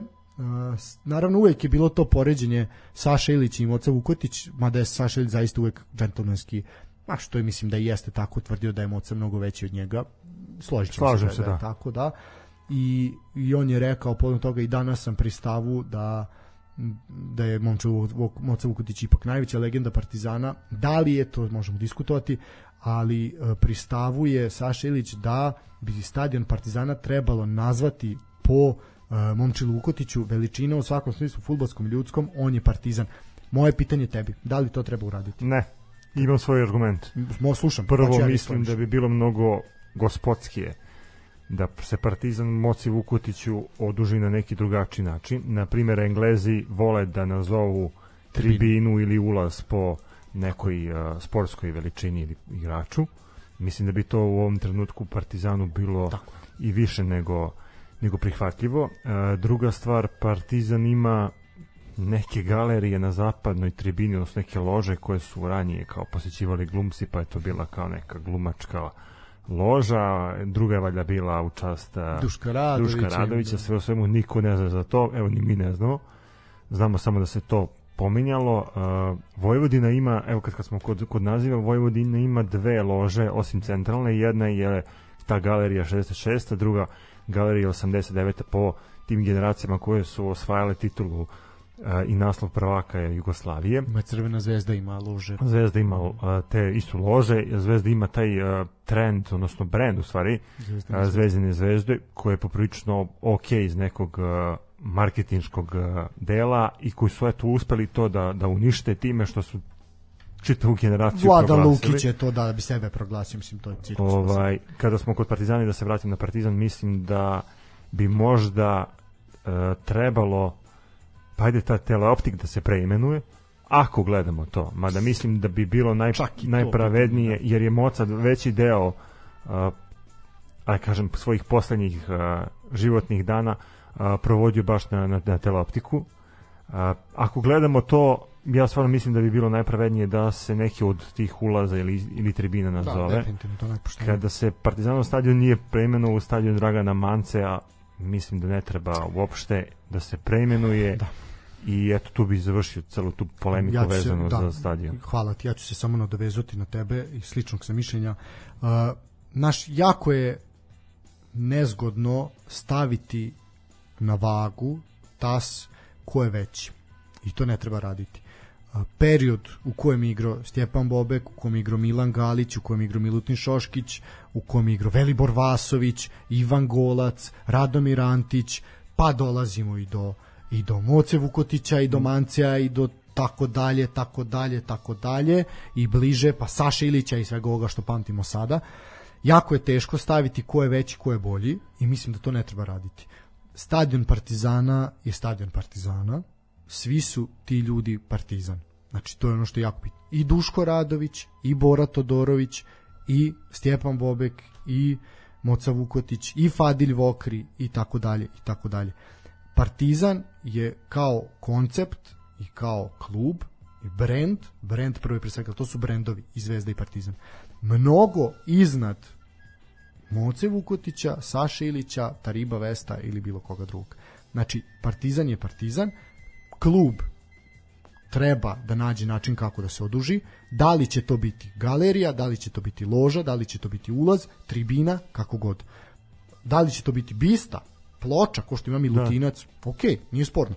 Znači kako, hoće se teleoptik, može se nazvati Moca Ukuć, nije problem. Ali onda zašto se ne bi zvao i, i Dušan Trebojević? Čovjek isto zaslužen Pa koji je. može tako, znaš. Da, ali okej. Mislim, da sam slučaju, primer, ne, ali običan, mislim to da, to, da, da, da stadion ne treba dirati. Ne, to je to. stadion ne treba dirati, stadion će i vidi kako god da ga nazoveš. Kao što su crve, stadion Crvene zvezde nazvali Rajko Mitić. Niko nikad ne kaže Rajko Mitić. Čak i novinari kažu Marakana. Ostalo je Marakana, kao što će stadion Partizana zauvek biti JNA. Kraj. Uh, aj, možemo na utakmicu.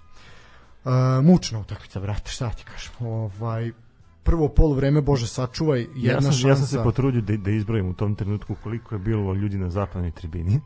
Pa, bilo, je, bilo je negde oko Pa, 156. ukupno bilo je 1000 ljudi. Ne, mislim da je ukupno bilo A? negde oko 600. Pa to 800, 800 do 1000, ja da, tako recimo da je. Mislim da je zvaničan podatak negde oko 800. Ali eto, ajde.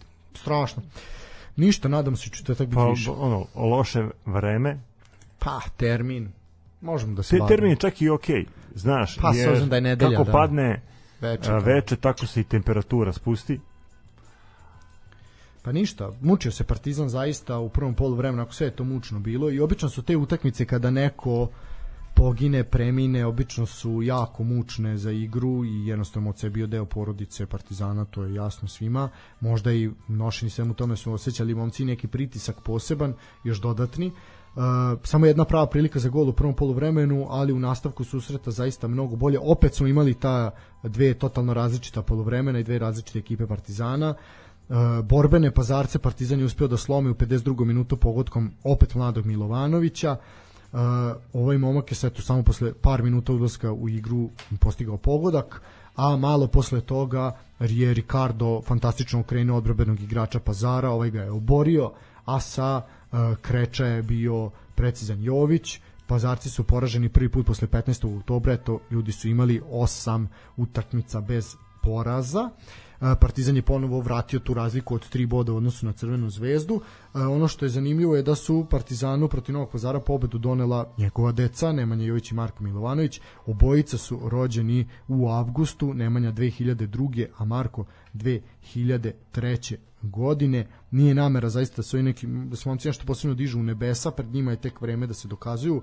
Golove su postigli protiv Fenjeraša, posle posljednje ekipe na tabeli i pred njima zaista je tek tek puno vremena da se dokazuju. Uh, ono što je mali, eto, zanimljivost da je upravo 5. decembra 2020. godine tada mladi perspektivni i dalje mladi perspektivni Nikola Štulić ušao sa klupe i postigao go protiv Čukaričkog. Čovjek započeo niz od koliko 19-20 pobjeda Partizana. Ovo, eto sada je to uradio Marko Milovanović, pa ćemo vidjeti kako će se to završiti. Uh, utakmica nakon ove i poslednja u nedeljnom programu, um, utakmica koja nema zaista ništa posebno se kaže, to je uh, utakmica u Subotici po u lošem vremenu zaista Spartak i mladosti završen je 0-0 definitivno je slađi bod ekipi iz Lučana koja je tek u završnici utakmice uspela da pokaže zube uprkos inicijativi tokom većeg dela susreta plavi golubovi nisu uspeli da stignu do celog plena a Tu bih teo samo da iskomentarišemo Spartak. Meni se čini da Spartak u momentima kada napad ne predvodi Nemanja Nikolić. Mm -hmm, upravo sam to tako kažem, da. Da je skroz uh, neupotrebljiva ekipa. Da, Napadali su oni, ne kažem da nisu, tražili su svoju šansu, ali, ali od momenta čini... kad je čovjek izašao s terena je bio problem. Da, da nema, nema, ne, pa vidi, on je jedan Nemaju alternativu igrač. za, za Tako je, lucidan igrač preko koja ide sve, sve čovek koji povezuje Tufekđića, Srećkovića, znači jednostavno ono, jedno, on je on je taj medij koji ih koji ih povezuje. Čovjek je izašao u 71. minutu prinudno je zamenjen zbog povrede. Eto, zadobio povredu usled koje mora da napusti teren. Sad ostaje nepoznanica koliko mu pauza predstoji, ali eto veliki problemi za Vladimira Gaćinovića jer je u van stroja i Lazar Tufekđić. To je što se tiče ovog meča. Danas su odigrani suseti između radnika u Surdulici i radničkog iz Kragujevca 0-0. Radnik je bio bolji, ali nije uspeo da zatrese mrežu. Kiza Milinković uzima još jedan bod i definitivno radnički srećnije putuje nazad za Kragujevac, ali dalje čekaju prvu pobedu još od 22. septembra.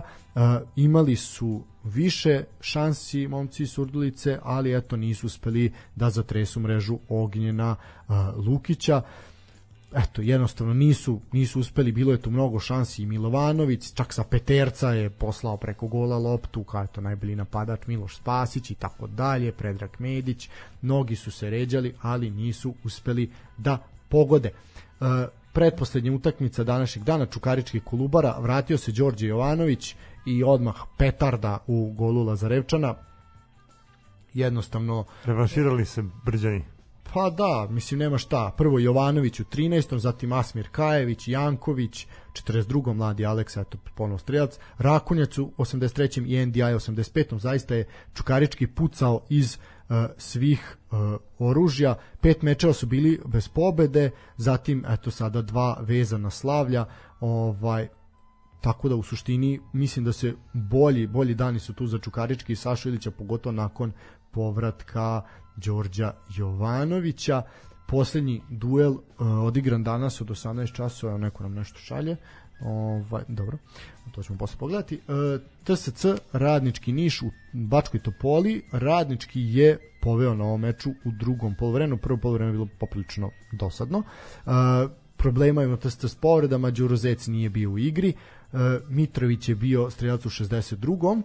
Uh, za 1-0 da bi prelomni moment bio jedina izmena na meču za gostu za domaću ekipu kada je Ratkov, mladi Ratkov ušao umesto Bertala na Bočkaja i u 95. minutu bukvalno uneo telom loptu u gol za 1-1 i bitne bodove TSC-a sutra na programu 14 časova na krovu zaista jedna lepa utakmica Voždovac i Vojvodina se susreću to time se zatvara kolo možemo na tabelu, ćemo odmah. Sad može, može. Na letu, da, pola devet je, treba da stignemo sve da obavimo. Ispričamo ovako, uh, idemo od gore, Partizan je uh, prvi sa 19 sad, svi imaju jednak broj odigranih utakmica, bit će nakon sutrašnjeg jel, završenog kola. 53 boda, Partizan je prvi, druga je Crna zvezda sa 50, Čukarički je treći sa 34, jako velika razlika. Četvrta je Vojvodina sa 29 i tu sad kreću timovi e, koji su na blizu. Znači peti je napredak sa 27, šesti je Radnički iz Niša sa 26, sedmi je Spartak sa 24, osmi je Proleter koji je sada preskočio TSC i ušao u play playoff zonu sa 24, deveta je Bačka Topola, znači prva na playout, u playout zoni sa 23, 10 je Voždovac sa 22, 11 je Radnik sa 20, 12 je Kolubara sa 20, 13. je mladost, 13. je mladost sa 18, 14. je metalaca 16, 15. je radnički iz Kragujevca sa isto toliko bodova 16 i Novi Pazar je svojim skupljanjem boda po bod i eto po kojom pobedom uspeo da se približi ovim dveju ekipa sa 15 bodova i dalje su do duše poslednji, ali su tu, blizu su. Tako da, eto, to je što se tiče ovog kola i stanja na tabeli. Uh, očekuju nas evropske utakmice Crvene zvezde i Partizana, Partizan od 15 do 7, ako se ne varam, a Crvena zvezda od 21 časa u Portugalu. Prošli put smo pričali o tome šta kome treba, moraju jedni drugi ići na pobedu i to je kraj. Ne, priče, da, samo su zvezda u boljoj poziciji. Mnogo bolje nego Partizan, definitivno. Ali dobro, šta je tu? Partizan je sam kriv za to gde se nalazi. Partizan ima problema, nema Lazara Markovića, sad bi to za rekao da to nije problem, da je to pojačanje. Nema Bibrasa Natha, tako da će biti nezgodno, ali raduje da je Nortozis žestoko kiksnuo za vikend, tako da je to u suštini dobra vest za navijače i igrače Partizana, tako da jednostavno posle onog šamara u Talinu mora se mora se po sada pokazati zubi jednostavno ekipa Nortozisa se mora pobediti što se tiče Crvene zvezde Braga plus se gleda rezultat u Bugarskoj Braga jako teško pobediti na svom terenu, ali Zvezda mora da ostane makar neporažena kako zna i ume, a bilo bi odlično kad bi se slavilo.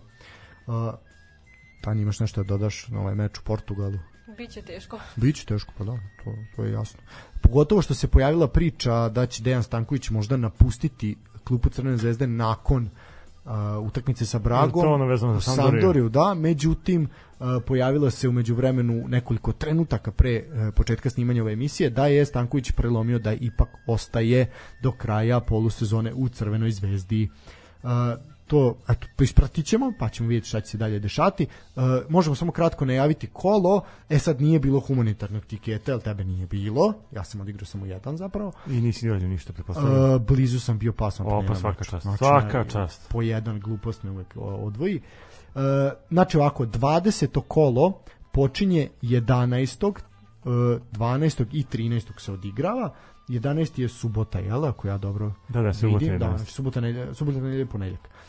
E, radnički 1923 TSC Bačka Topola, subota od 13 časova. Stefane, slušam te. X2. Dobro. 3x2, ja kažem 2 čisto. Uh, Dobro, od 15 časova radnički Čekaj, nju. niš čukari. A, ne, rekla je da se ne kocka. Rekla je da se ne kocka nećemo. Ovaj, da uvlačimo. kocki se sa životom. Kocki se, Mi igramo ovde na sigurno, za se kockamo ovde. Radnički niš čukarički od 15 časova. Subota isto. E sad je ovo nezgodno. Radoslav Batak je podigao formu ekipe, u dobroj su formi. Eto, im bili su na pragu pobedu kući. u igri kući. Loš teren, teren na Čajru. Upravo to, da. Loš teren na Čajru. Čukarički, eto, kao nekom uzletu Et, forme. Nek, nek bude, ne znam, 0-2. Misliš da će tako loš teren biti, da neće uspeti više? A ja ću reći x2. Uh, od 17 časova u subotu, to je poslednji meč subotnjeg programa, Kolubara Proletar. Ma on ne zanima nikog ko će ovo gledati. Ajde, šta ćemo ovde reći? Ja kažem, oba tima daju gol. Eto, nek bude x2. Dobro. Uh, u nedelju od 14 časova Novi Pazar dočekuje Voždovac. E, to utakmica mene zanima, mm, iskreno. Mm, da, da može biti svega. Pa nek bude kes na Novi Pazar. Dobro, ja ću reći Oba tima daju gol. Uh, mladost napredak od 14.30 istog dana mm, da ću ja reći x2. Pa eto, 1x, ajde. Ja sam više nastrojen ka Ekipi Ekipi iz Lučana. Lučana. Dobro. Uh, Vojvođanski derbi, Vojvodina Spartak, 16 časova. O, čak bi se možda moglo otići pogledati. Hm, sad je pitanje, nema Nikolića. Nemaš Nikolića, a imaš Vojvodinu koja A, igra... Klimavoj seriji. Pa da. Ajde, bude Kesna Vojvodina u svakom slučaju. Kec. Ja ću reći oba tima daju gol. Uh, Metalac Partizan ponovo od 15.45 Partizan se preplatio na te termine od 15.45 nedeljom. Uh, ovaj put u Gornjem Milanovcu, eto, Partizan ide na noge Žižiću, eto, prvo pa muško, ozbiljno, ozbiljno domaćinstvo. Pa ništa, čekamo pobedu Partizana, ali me Hmm, nakon bi, anortozisa. ali me ne bi iznenadilo da, da, da metalac pruži jak otpor, pa nek bude, pa nek bude dvojka, čisto, eto. Uh, ja mala greška, ovo nije nedelja, ovo je već ponedeljak u 15 do 15 do 4, znači ponedeljak već pošto imaju obaveze u četvrtak u Evropi i kolo 20 to zatvaraju Crvena zvezda i Radnik i Surdulice od 18 časova 13. 12.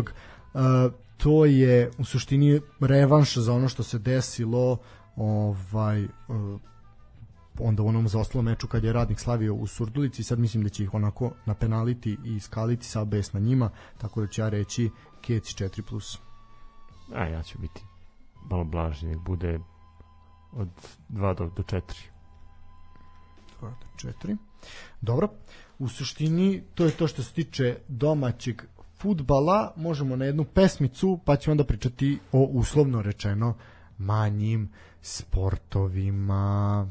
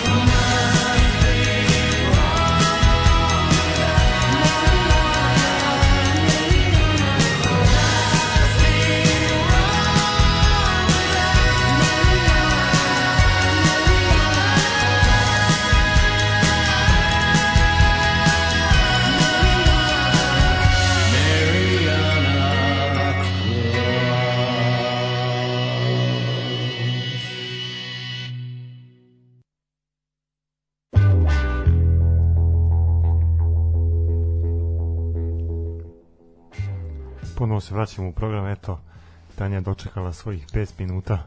Već je imala svojih 5 minuta. Pa, ali dočekala je sad. Bi đubre, sad bi đubre, 10. sad bi đubre, imala je svojih 5 minuta, sad već drugi 5 minuta.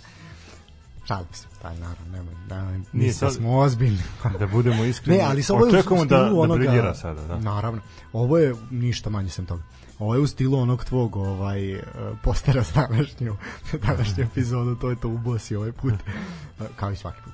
E, dobro, Tanja, izvoli, carstvo malih sportova je Pokloni si počet. Moje carstvo odbojka. Da, okej, može, I slušamo. prošli put sam počela sa Super ligom za muškarce, eto meni je muška liga zabavnija, interesantnija. Strašno, strašno, ja, ja jako, ovde, mlada žena, mlada žena, tako da, zaista, ne čekaj. ja ovde imam svoje favorite, tako da Strašno, da bože. se ogradim. bože. Šta, je, vidite roditelji šta vam dete radi u Novom Sadu, strašno. Ajde, dobro. eh sad. Gleda mušku odbojku, bože, sad čuj. Ajde, dobro, ajde slušaj. Završila se deseto kolo i prvo ću da kažem eto rezultate kojima, su se, zavr- kojima se završilo deseto kolo. Prva utakmica je bila između Crvene zvezde i mladog radnika iz Požarevca i Crvena zvezda je sa lakoćom savladala mladi radnik sa rezultatom 3-0. U sledećoj utakmici Spartak Lig je pobedio Niš sa 3-1. Radnički iz Kragujevca je pobedio Spartak iz Subotice sa 3-0, Partizan je pobedio moju rivnicu sa 3-1 i Vojvodina je pobedila Metalac sa 3-1 i moram da kažem da je Vojvodina u ovo posljednje vreme koju god i da utakmicu igra protiv koga nebitno, znači bilo koji protivnik, Vojvodina stvarno odigra fantastično i kad god Vojvodina igra utakmicu to bude zaista lepa utakmica. I ta utakmica koju je Vojvodina igrala je utakmica koju sam uspela da ispratim. Prenosa nije bilo, ja ga nisam našla, ali Vojvodina uvek na YouTube-u uživo emituje e, odliku, tako da tamo može da se isprati, ja uvek tamo gledam. I utakmica je zaista bila fantastična. Meni se, evo sad svoje mišljenje naravno iznosim, meni se jako dopalo to što sam videla i sa jedne i sa druge strane naravno Vojvodina jeste pobedila, ali Metalac je takođe odigrao savršenu utakmicu. Jeste da su izgubili, ali bilo je zaista lepo za gledanje.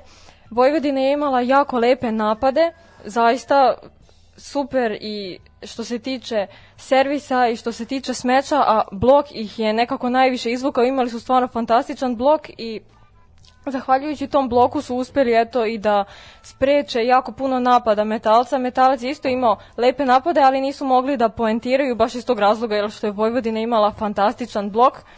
I Vojvodina je takođe um, imala jako lepe odbrane. Zaista su u nekoliko navrata uspeli zaredom da se odbrane od napada protivnika i zaista su eto uspeli da utakmicu privedu kraju na jedan jako lep način i vidim publika je zaista bila jako oduševljena dok je gledala utakmicu i bilo je zaista i velike podrške, opet velike želje za pobjedom sa obe strane. I što se tiče igrača Vojvodine i što se tiče ekipe iz Gornjeg Milanovca i najinteresantniji mi- je bio upravo taj drugi set u kojem je ekipa iz Gornjeg Milanovca uspela da izjednači i bilo je 1-1 i tada su se stvari još više ovaj, sve se tada još više zahuhtalo i zaista je bilo veoma, veoma lepo za gledanje. To je zaista jedna jako lepa odbojka i kada sam već eto kod Vojvodine, da prokomentarišem i da je Vojvodina pre, čini mi se, četiri ili pet dana igrala utakmicu u CEV Ligi šampiona protiv Berlina i nažalost eto izgubili su u toj utakmici jer opet mi moram da kažem da, ali sad ću probati ovo da kažem, da ne ispadne da sad pokušam da na neki način ponizim ovaj, našu odbojku, ali s obzirom na to da kod nas odbojka nije toliko u prvom planu, već su jednostavno futbal i košarka nekako, da kažem, više izbijaju na to prvo mesto i popularniji su. Odbojka je, iako je manje popularna, mi igramo jako lepu odbojku, samim tim to govori To vidimo i nakon, jel to vidimo i po uspehu naše reprezentacije, što muške, što ženske, naravno ono što kažem za mušku to važi i za žensku. I samim tim što se veliki evropski i svetski klubovi jel, grabe za naše igrače i žele ih u svojim timovima, zaista govori o lepoti naše odbojke. I mi nemamo internacionalce u našem klubu, jednostavno to su sve naši igrači, nema tu nikakvih transfera ili ne znam ja kao u košarci, kao u futbolu, to su zaista sve naši igrači, naši e, naši državljani koji igraju stvarno jako lepu odbojku i meriti se sa klubovima kao što su, na primjer, Berlin u Nemačkoj i, i, i mnogi italijanski klubovi i pre svega Poljska, na primjer, koja kao država u Poljskoj je odbojka najpopularniji sport i Poljska je jednostavno zemlja odbojke i gde jednostavno ta odbojka izbija u prvi plan i jako puno je i naših odbojkaša u tim redovima poljskih timova i pre svega u Skrabe Alhatovu, sad ko prati poljsku odbojku, ja sam je jako puno pratila, jako puno naših odbojkaša je igralo u Poljskoj, naravno sada ih ima jako puno i, i u Italiji, tako da sve, u svemu ono što sam želela da kažem u celoj ovoj dinastiji koju sam ispričala je, je da mi, iako ne, nemamo igrače jel, iz različitih e, država sveta i Evrope, mi stvarno igramo jako lepu odbojku, a opet veliki plus što su to samo naši igrači i zaista pokazuju fantastičan uspeh. I dobro što se toga tiče završila sam sad na kraju da kažem kako stoji stanje na tabeli. Crvena zvezda naravno u muškoj konkurenciji manje više osim Vojvodine i nema neku veliku konkurenciju. Prva je sa 26 bodova i do sada je imala samo jedan poraz. Vojvodina je druga sa četiri boda za ostatka za Crvenom zvezdom sa 22 boda, Partizan je treći sa 20, Spartak Subotica ima 19, Radnički ima 16, Ribnica takođe ima 16 sa 5 pobjeda i 5 poraza, oni su tako eto izjednačeni.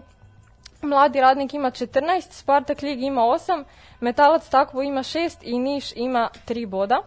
To je to što se tiče muškaraca. Sad prelazim na žene. Ovo će potrajati. Imaš svo vreme ovog sveta. Do 9. Samo polako. Samo polako. mi jedemo i pijemo dok ona priča. O, vi uživate, šta vas da. briga. A mi smo sve ispričali. Pa, sad ću ja, pa vi ste rasteglili taj futbol namjerno da meni što manje ostavite. Nije, ne, nismo, nismo mi tolika čuprata, baš tolika. I kod žena se takođe odigralo to deseto kolo. I u prvoj utakmici snage su odmerila jedinstvo iz Stare Pazove i ekipa iz Srema. I jedinstvo je sa lakoćom pobedilo Srem rezultatom 3-0. UB je pobedio Indiju sa rezultatom 3-1. Tent iz Obrenovca je takođe sa maksimalnih 3-0 pobedio Spartak iz Subotice. Železničar je takođe vrlo lako savladao Klek sa 3-0 i Klek koji nažalost nema ni jednu pobedu posle ovih 10 odigranih utakmica i ono što mene iznenadilo je da je Partizan pobedio Crvenu zvezdu rezultatom 3-2. I samim tim, eto, opet je došlo do promene na tabeli, pošto prošle nedelje nisam bila tu da komentarišem, ali ovaj, prošle nedelje je jedinstvo doživjelo svoj prvi poraz nakon tih osam, to jeste tada devet odigranih utakmica i to upravo od Crvene zvezde. I sada kako je, tada je Crvena zvezda jel, preuzela vodeće stanje na tabeli i sada kako je izgubila od Partizana, opet je spala na to drugo mesto, pošto je jedinstvo pobedilo ekipu iz Srema rezultatom 3-0, tako da je na tabeli jedinstvo sada prvo sa 27 bodova, Crvena zvezda je druga sa bodom za ostatka, Železničar ima 25 bodova, UB ima 19, Tent ima 16, Indija 11, Partizan 10, Spartak ima 8, Srem ima 7 i Klek, ali mi nije jasno da, sad vidim, ovde piše Klek ima 1 bod. Klek je do sada izgubio svaku moguću utakmicu, tako da meni nije jasno odakle na tabeli taj A, jedan bod. Od, od, ja ti kažem odakle. Ajde, kažem. A, zato što su, iz, kada, zar nije u pravilu odbojci ako se izgubi sa 3-2 da dobiješ jedan bod? E, to vidiš, nisam ni ja znala ko je, eto, treniram odbojku. E, nek si me prosvetio. Hvala ti. da, da. Ovo ti kad se utakmica, da, da, kad se utakmica izgubi sa 3-2, ekipa koja je posle dva seta dobije jedan bod. Dobro, to sad, eto, ima smisla. Dobro, hvala ti. Čekaj da proverimo, sad Klek ima, aj sad moram, sad, aj ti pričaj, da, ja ću da proverim. Da, ima jedan bod, da, ali da vidim da su neko izgubili sa 3-2. Dobro. Jesu, jesu Eto. protiv Indije, to je to. To je bod. Eto. I da kažem takođe i UB, kad sam već govorila za Ligu šampiona kod muškaraca i UB isto tako, to smo Stanislav i ja prošli put već prokomentarisali da su uspele da se plasiraju jel, u Ligu šampiona i čini mi se negde 24. novembra su igrali utakmicu protiv jedne italijanske ekipe koja ih je nažalost savladala sa rezultatom 3-0 i nažalost naše devojke nisu uspele ni jedan, u nijednom setu čini mi se da pređu 14 ili 15 poena tako da baš je to bio žestok poraz ali opet veliki je uspeh plasirati se u tu ligu šampiona. Stvarno pored svih tih super klubova pogotovo Italija, na primjer, koja, eto, Znamo da je Italija kao reprezentacija i u muškoj i u ženskoj odbojci čini mi se prvak Evrope, tako da opet ništa manje se od te ekipe nije ni očekivalo. I u futbolu su. Da, i u futbolu su prvaci Evrope, ali dobro, sad pričamo o odbojci.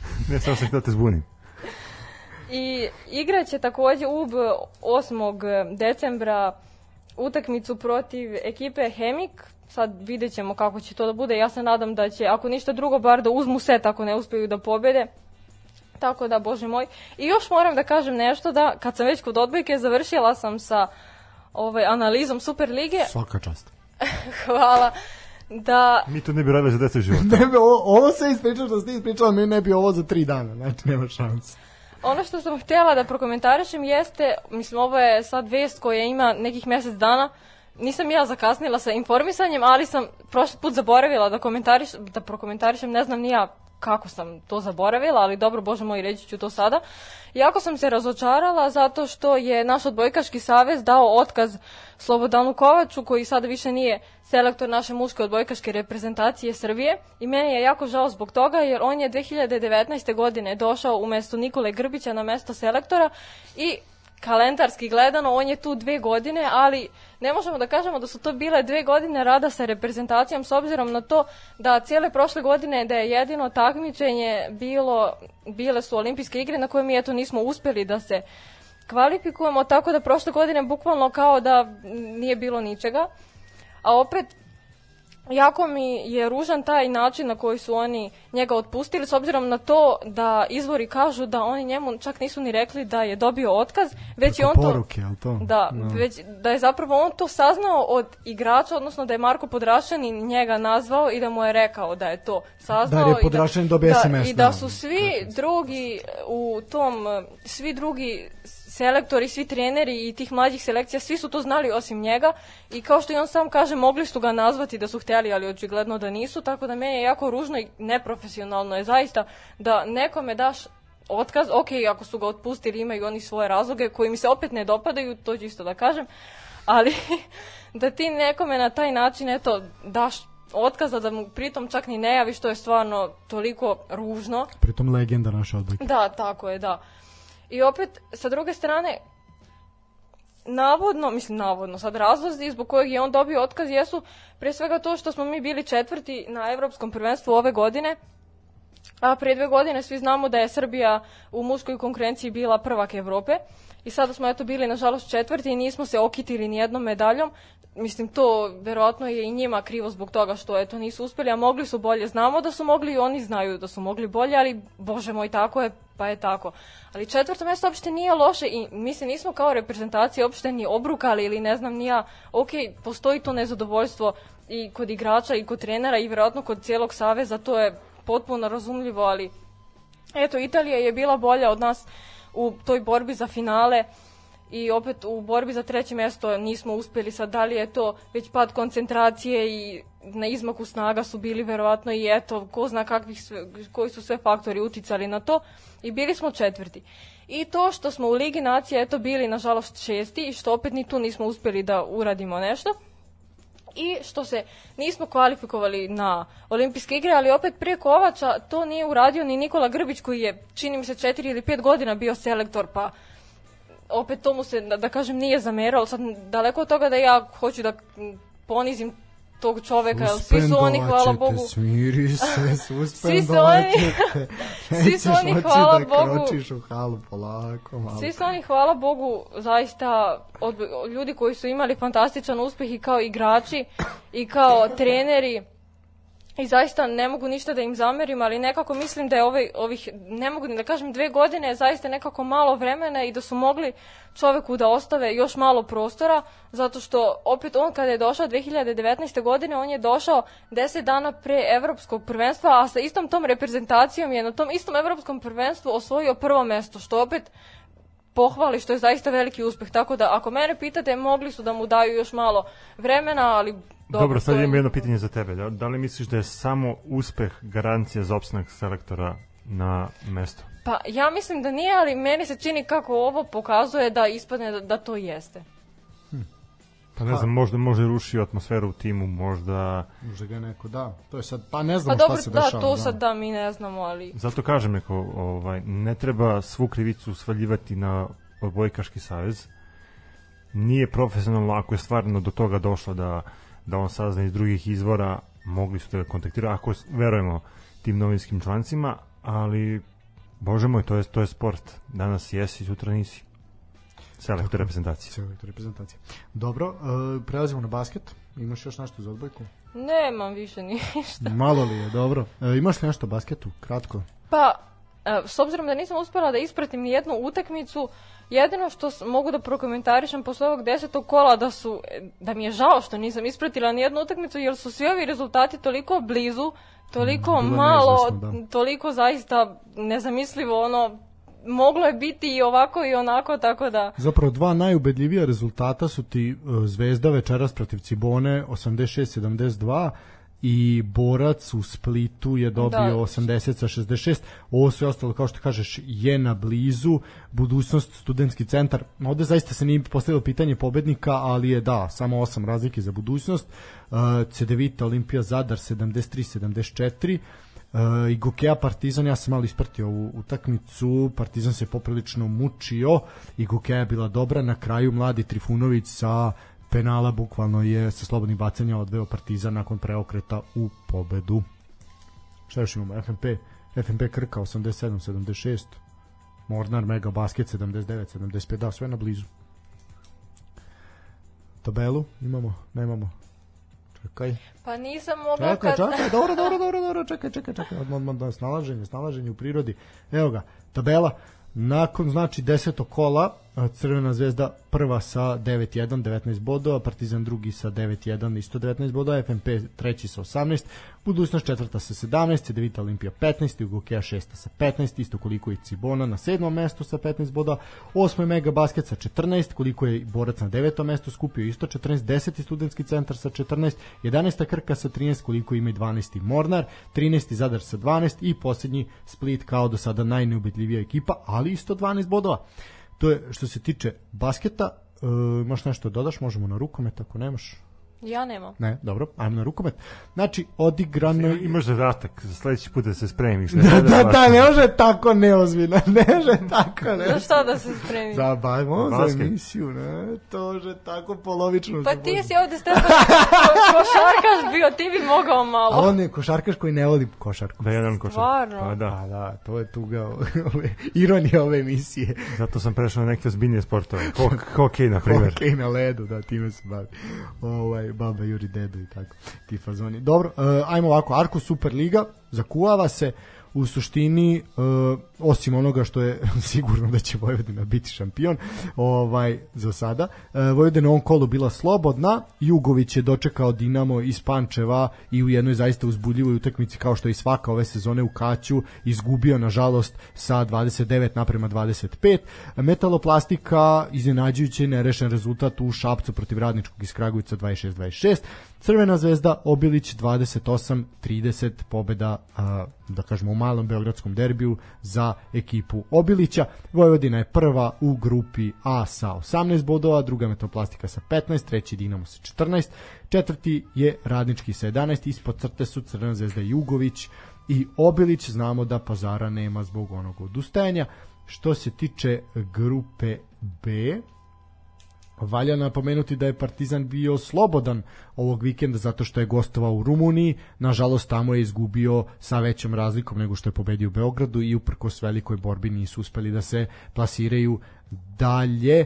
Baja Mare je bio, bio favorit i jednostavno pokazao kvalitet i prošli su dalje. Što se tiče grupe B Arkus Lige, u Mok, znači Mokra Gora je u Novom Pazaru dočekala Dubočicu i bilo je 10 razlike za Dubočicu 33-23 Železničar je u Nišu ponovo izgubio uh, već sada ne znam koji imaju ljudi razliku, gol razliku minus 140 26-38 bilo za Rudar iz Kostolca. Partizan će tek uh, za dva dana odigrati svoju utakmicu protiv Šamota u Beogradu dok je uh, Proleter u jednom zaista zanimljivom da kažemo vojvođanskom derbiju u Zrenjaninu pobedio Spartak sa 34 32 Uh, što se tiče svega ovoga i rukometa treba napomenuti da je trenutno u toku prvenstvo za žene naše devojke su se plasirale na svetsko prvenstvo plasirale su se u naredni krug takmičenja nešto više ćemo svakako malo kad se zakuva ta borba pa ćemo o tome više pričati. Još je grupna faza, još je se sve zove. Pa da, mislim mi smo obezbedili pobedom nad Kamerunom, ja mislim da neko suludom razlikom. Pa eto, bio je Kamerun, bio je Katar. Ma da, sve moj doma. I Poljska, eto, Poljski, Poljaki gdje smo dobili... Da, pa dobro. U suštini, sredstvo našima, time ćemo se baviti naravno u narednim epizodama. Uh, ono čime bi polako privodili ovu emisiju kraju, a to je humanitarnom akcijom. Uh, ovako, nekadašnji futbaleri večitih rivala koji su bili aktivni u vreme kada je Radovan Radaković branio za Partizan, 10. decembra odigraće humanitarnu utakmicu u hali Pinki u Zemunu. Uh, sav prihod biće prosleđen u fond za pomoć i lečenje bivšem golmanu Crnobelih.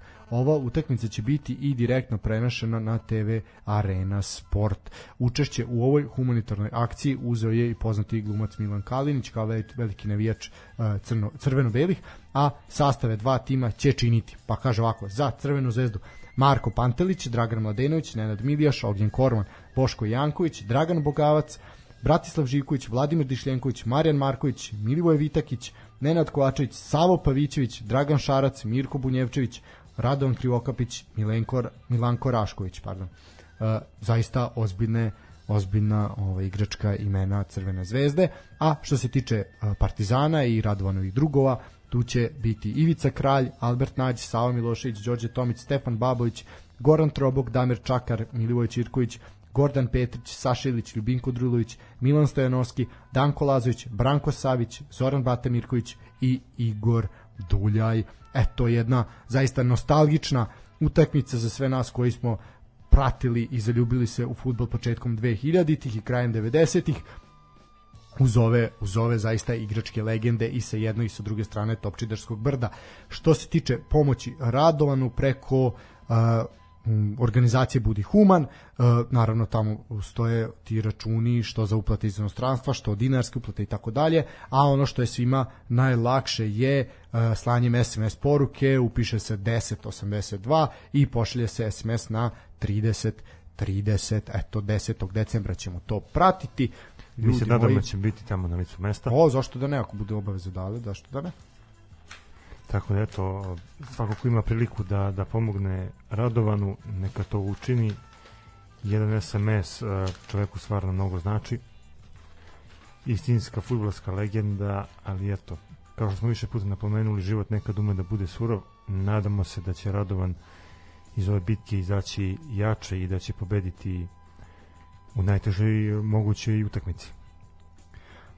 Tako je, slažem se sa tobom. U suštini jedna jako zanimljiva, zanimljiva emisija. Falilo je da opet svi budemo na okupu. Ljudi, što se mene tiče, zaista vam hvala. Hvala na slušanosti. E, obavezno, pre nego što ja kažem svoje laku noć, pa onda dam reč Stefanu, e, PayPal, Patreon, e, SMS, humanitarni, a nama ako nešto želite na dinarski račun, znači sportski pozdrav na Twitteru, Facebooku, Instagramu su da se nalazi podaci uplati. Preko YouTube-a, takođe stoje svi podaci računi, tako da ako slede ovaj novogodišnji zatim božićni praznici. Ako želite da se malo ugrejemo i eto malo nas obradujete nekim poklonom mi ćemo biti radi da to prihvatimo. Već da mraz neće da nam ništa da nismo bili dobri ove sezone. Da pa dobro bolje. A vidi zad ti sedeo nekom bradatom čiki u krilu? A jebi ga baš i ne. Tako da bolje da nas neko drugi neko drugi obraduje. U suštini toliko od mene Stefan i Tanja imate reč. Ajde Tanja ti Sad kako si spomenuo Deda Mraza, setila sam se nečega. E, hvala Bogu, pa današnji dan spada baš na ovaj datum. Stefan, bože Stefan, Stanislav i mene pitao da li znam šta se deli 1. decembra. Da. A ja ću sa tebe da pitam da li ti znaš šta je danas. Danas je 6. decembar. Osim što je 6. decembar. Šta je danas? Čekaj da se setim. Ne znam, 3. decembar je bio dan uh, uh, ljudi sa hendikepom, A šta je šesti U pitanju je praznik. A da, danas je Sveti Nikola za uh, ljude katoličke veroispovesti, jel tako? Večeras da. Krampus dolazi. Večeras Krampus dolazi, večeras bežite, večeras je horor filmovi nastaju. Ako neko nije gledao, neka, neka pogleda Krampus, jedan užasan film. ovaj, da, ovaj, ne da. gledajte film. Ne gledajte, ne, loše, loše uređen film jako, a i strašno je. Da, ovaj, tako je, to je danas, a? Pa vidiš? Sam dobar? Ne, ne, to je to, ne možemo prevoditi. Ništa onda da ja zatvaram. Dok nije Krampus došao, doći će kupek. ne treba nama Krampus, znači će kupek zapaliti, pošto kasnimo. Pa eto, meni uvek pripadne ova čast da, da ja zatvorim Koska. emisiju. Pa da. A, svakako hvala svima koji nas pratite, hvala svima koji su slušali ovu emisiju, hvala i onima koji će slušati u odloženom slušanju. To bi bilo to za večeras. A, narednog puta slavimo jubilarnu 60. emisiju pa nas pratite i narednog puta. E, to bi bilo to. Do skorijeg viđenja. Sportski pozdrav.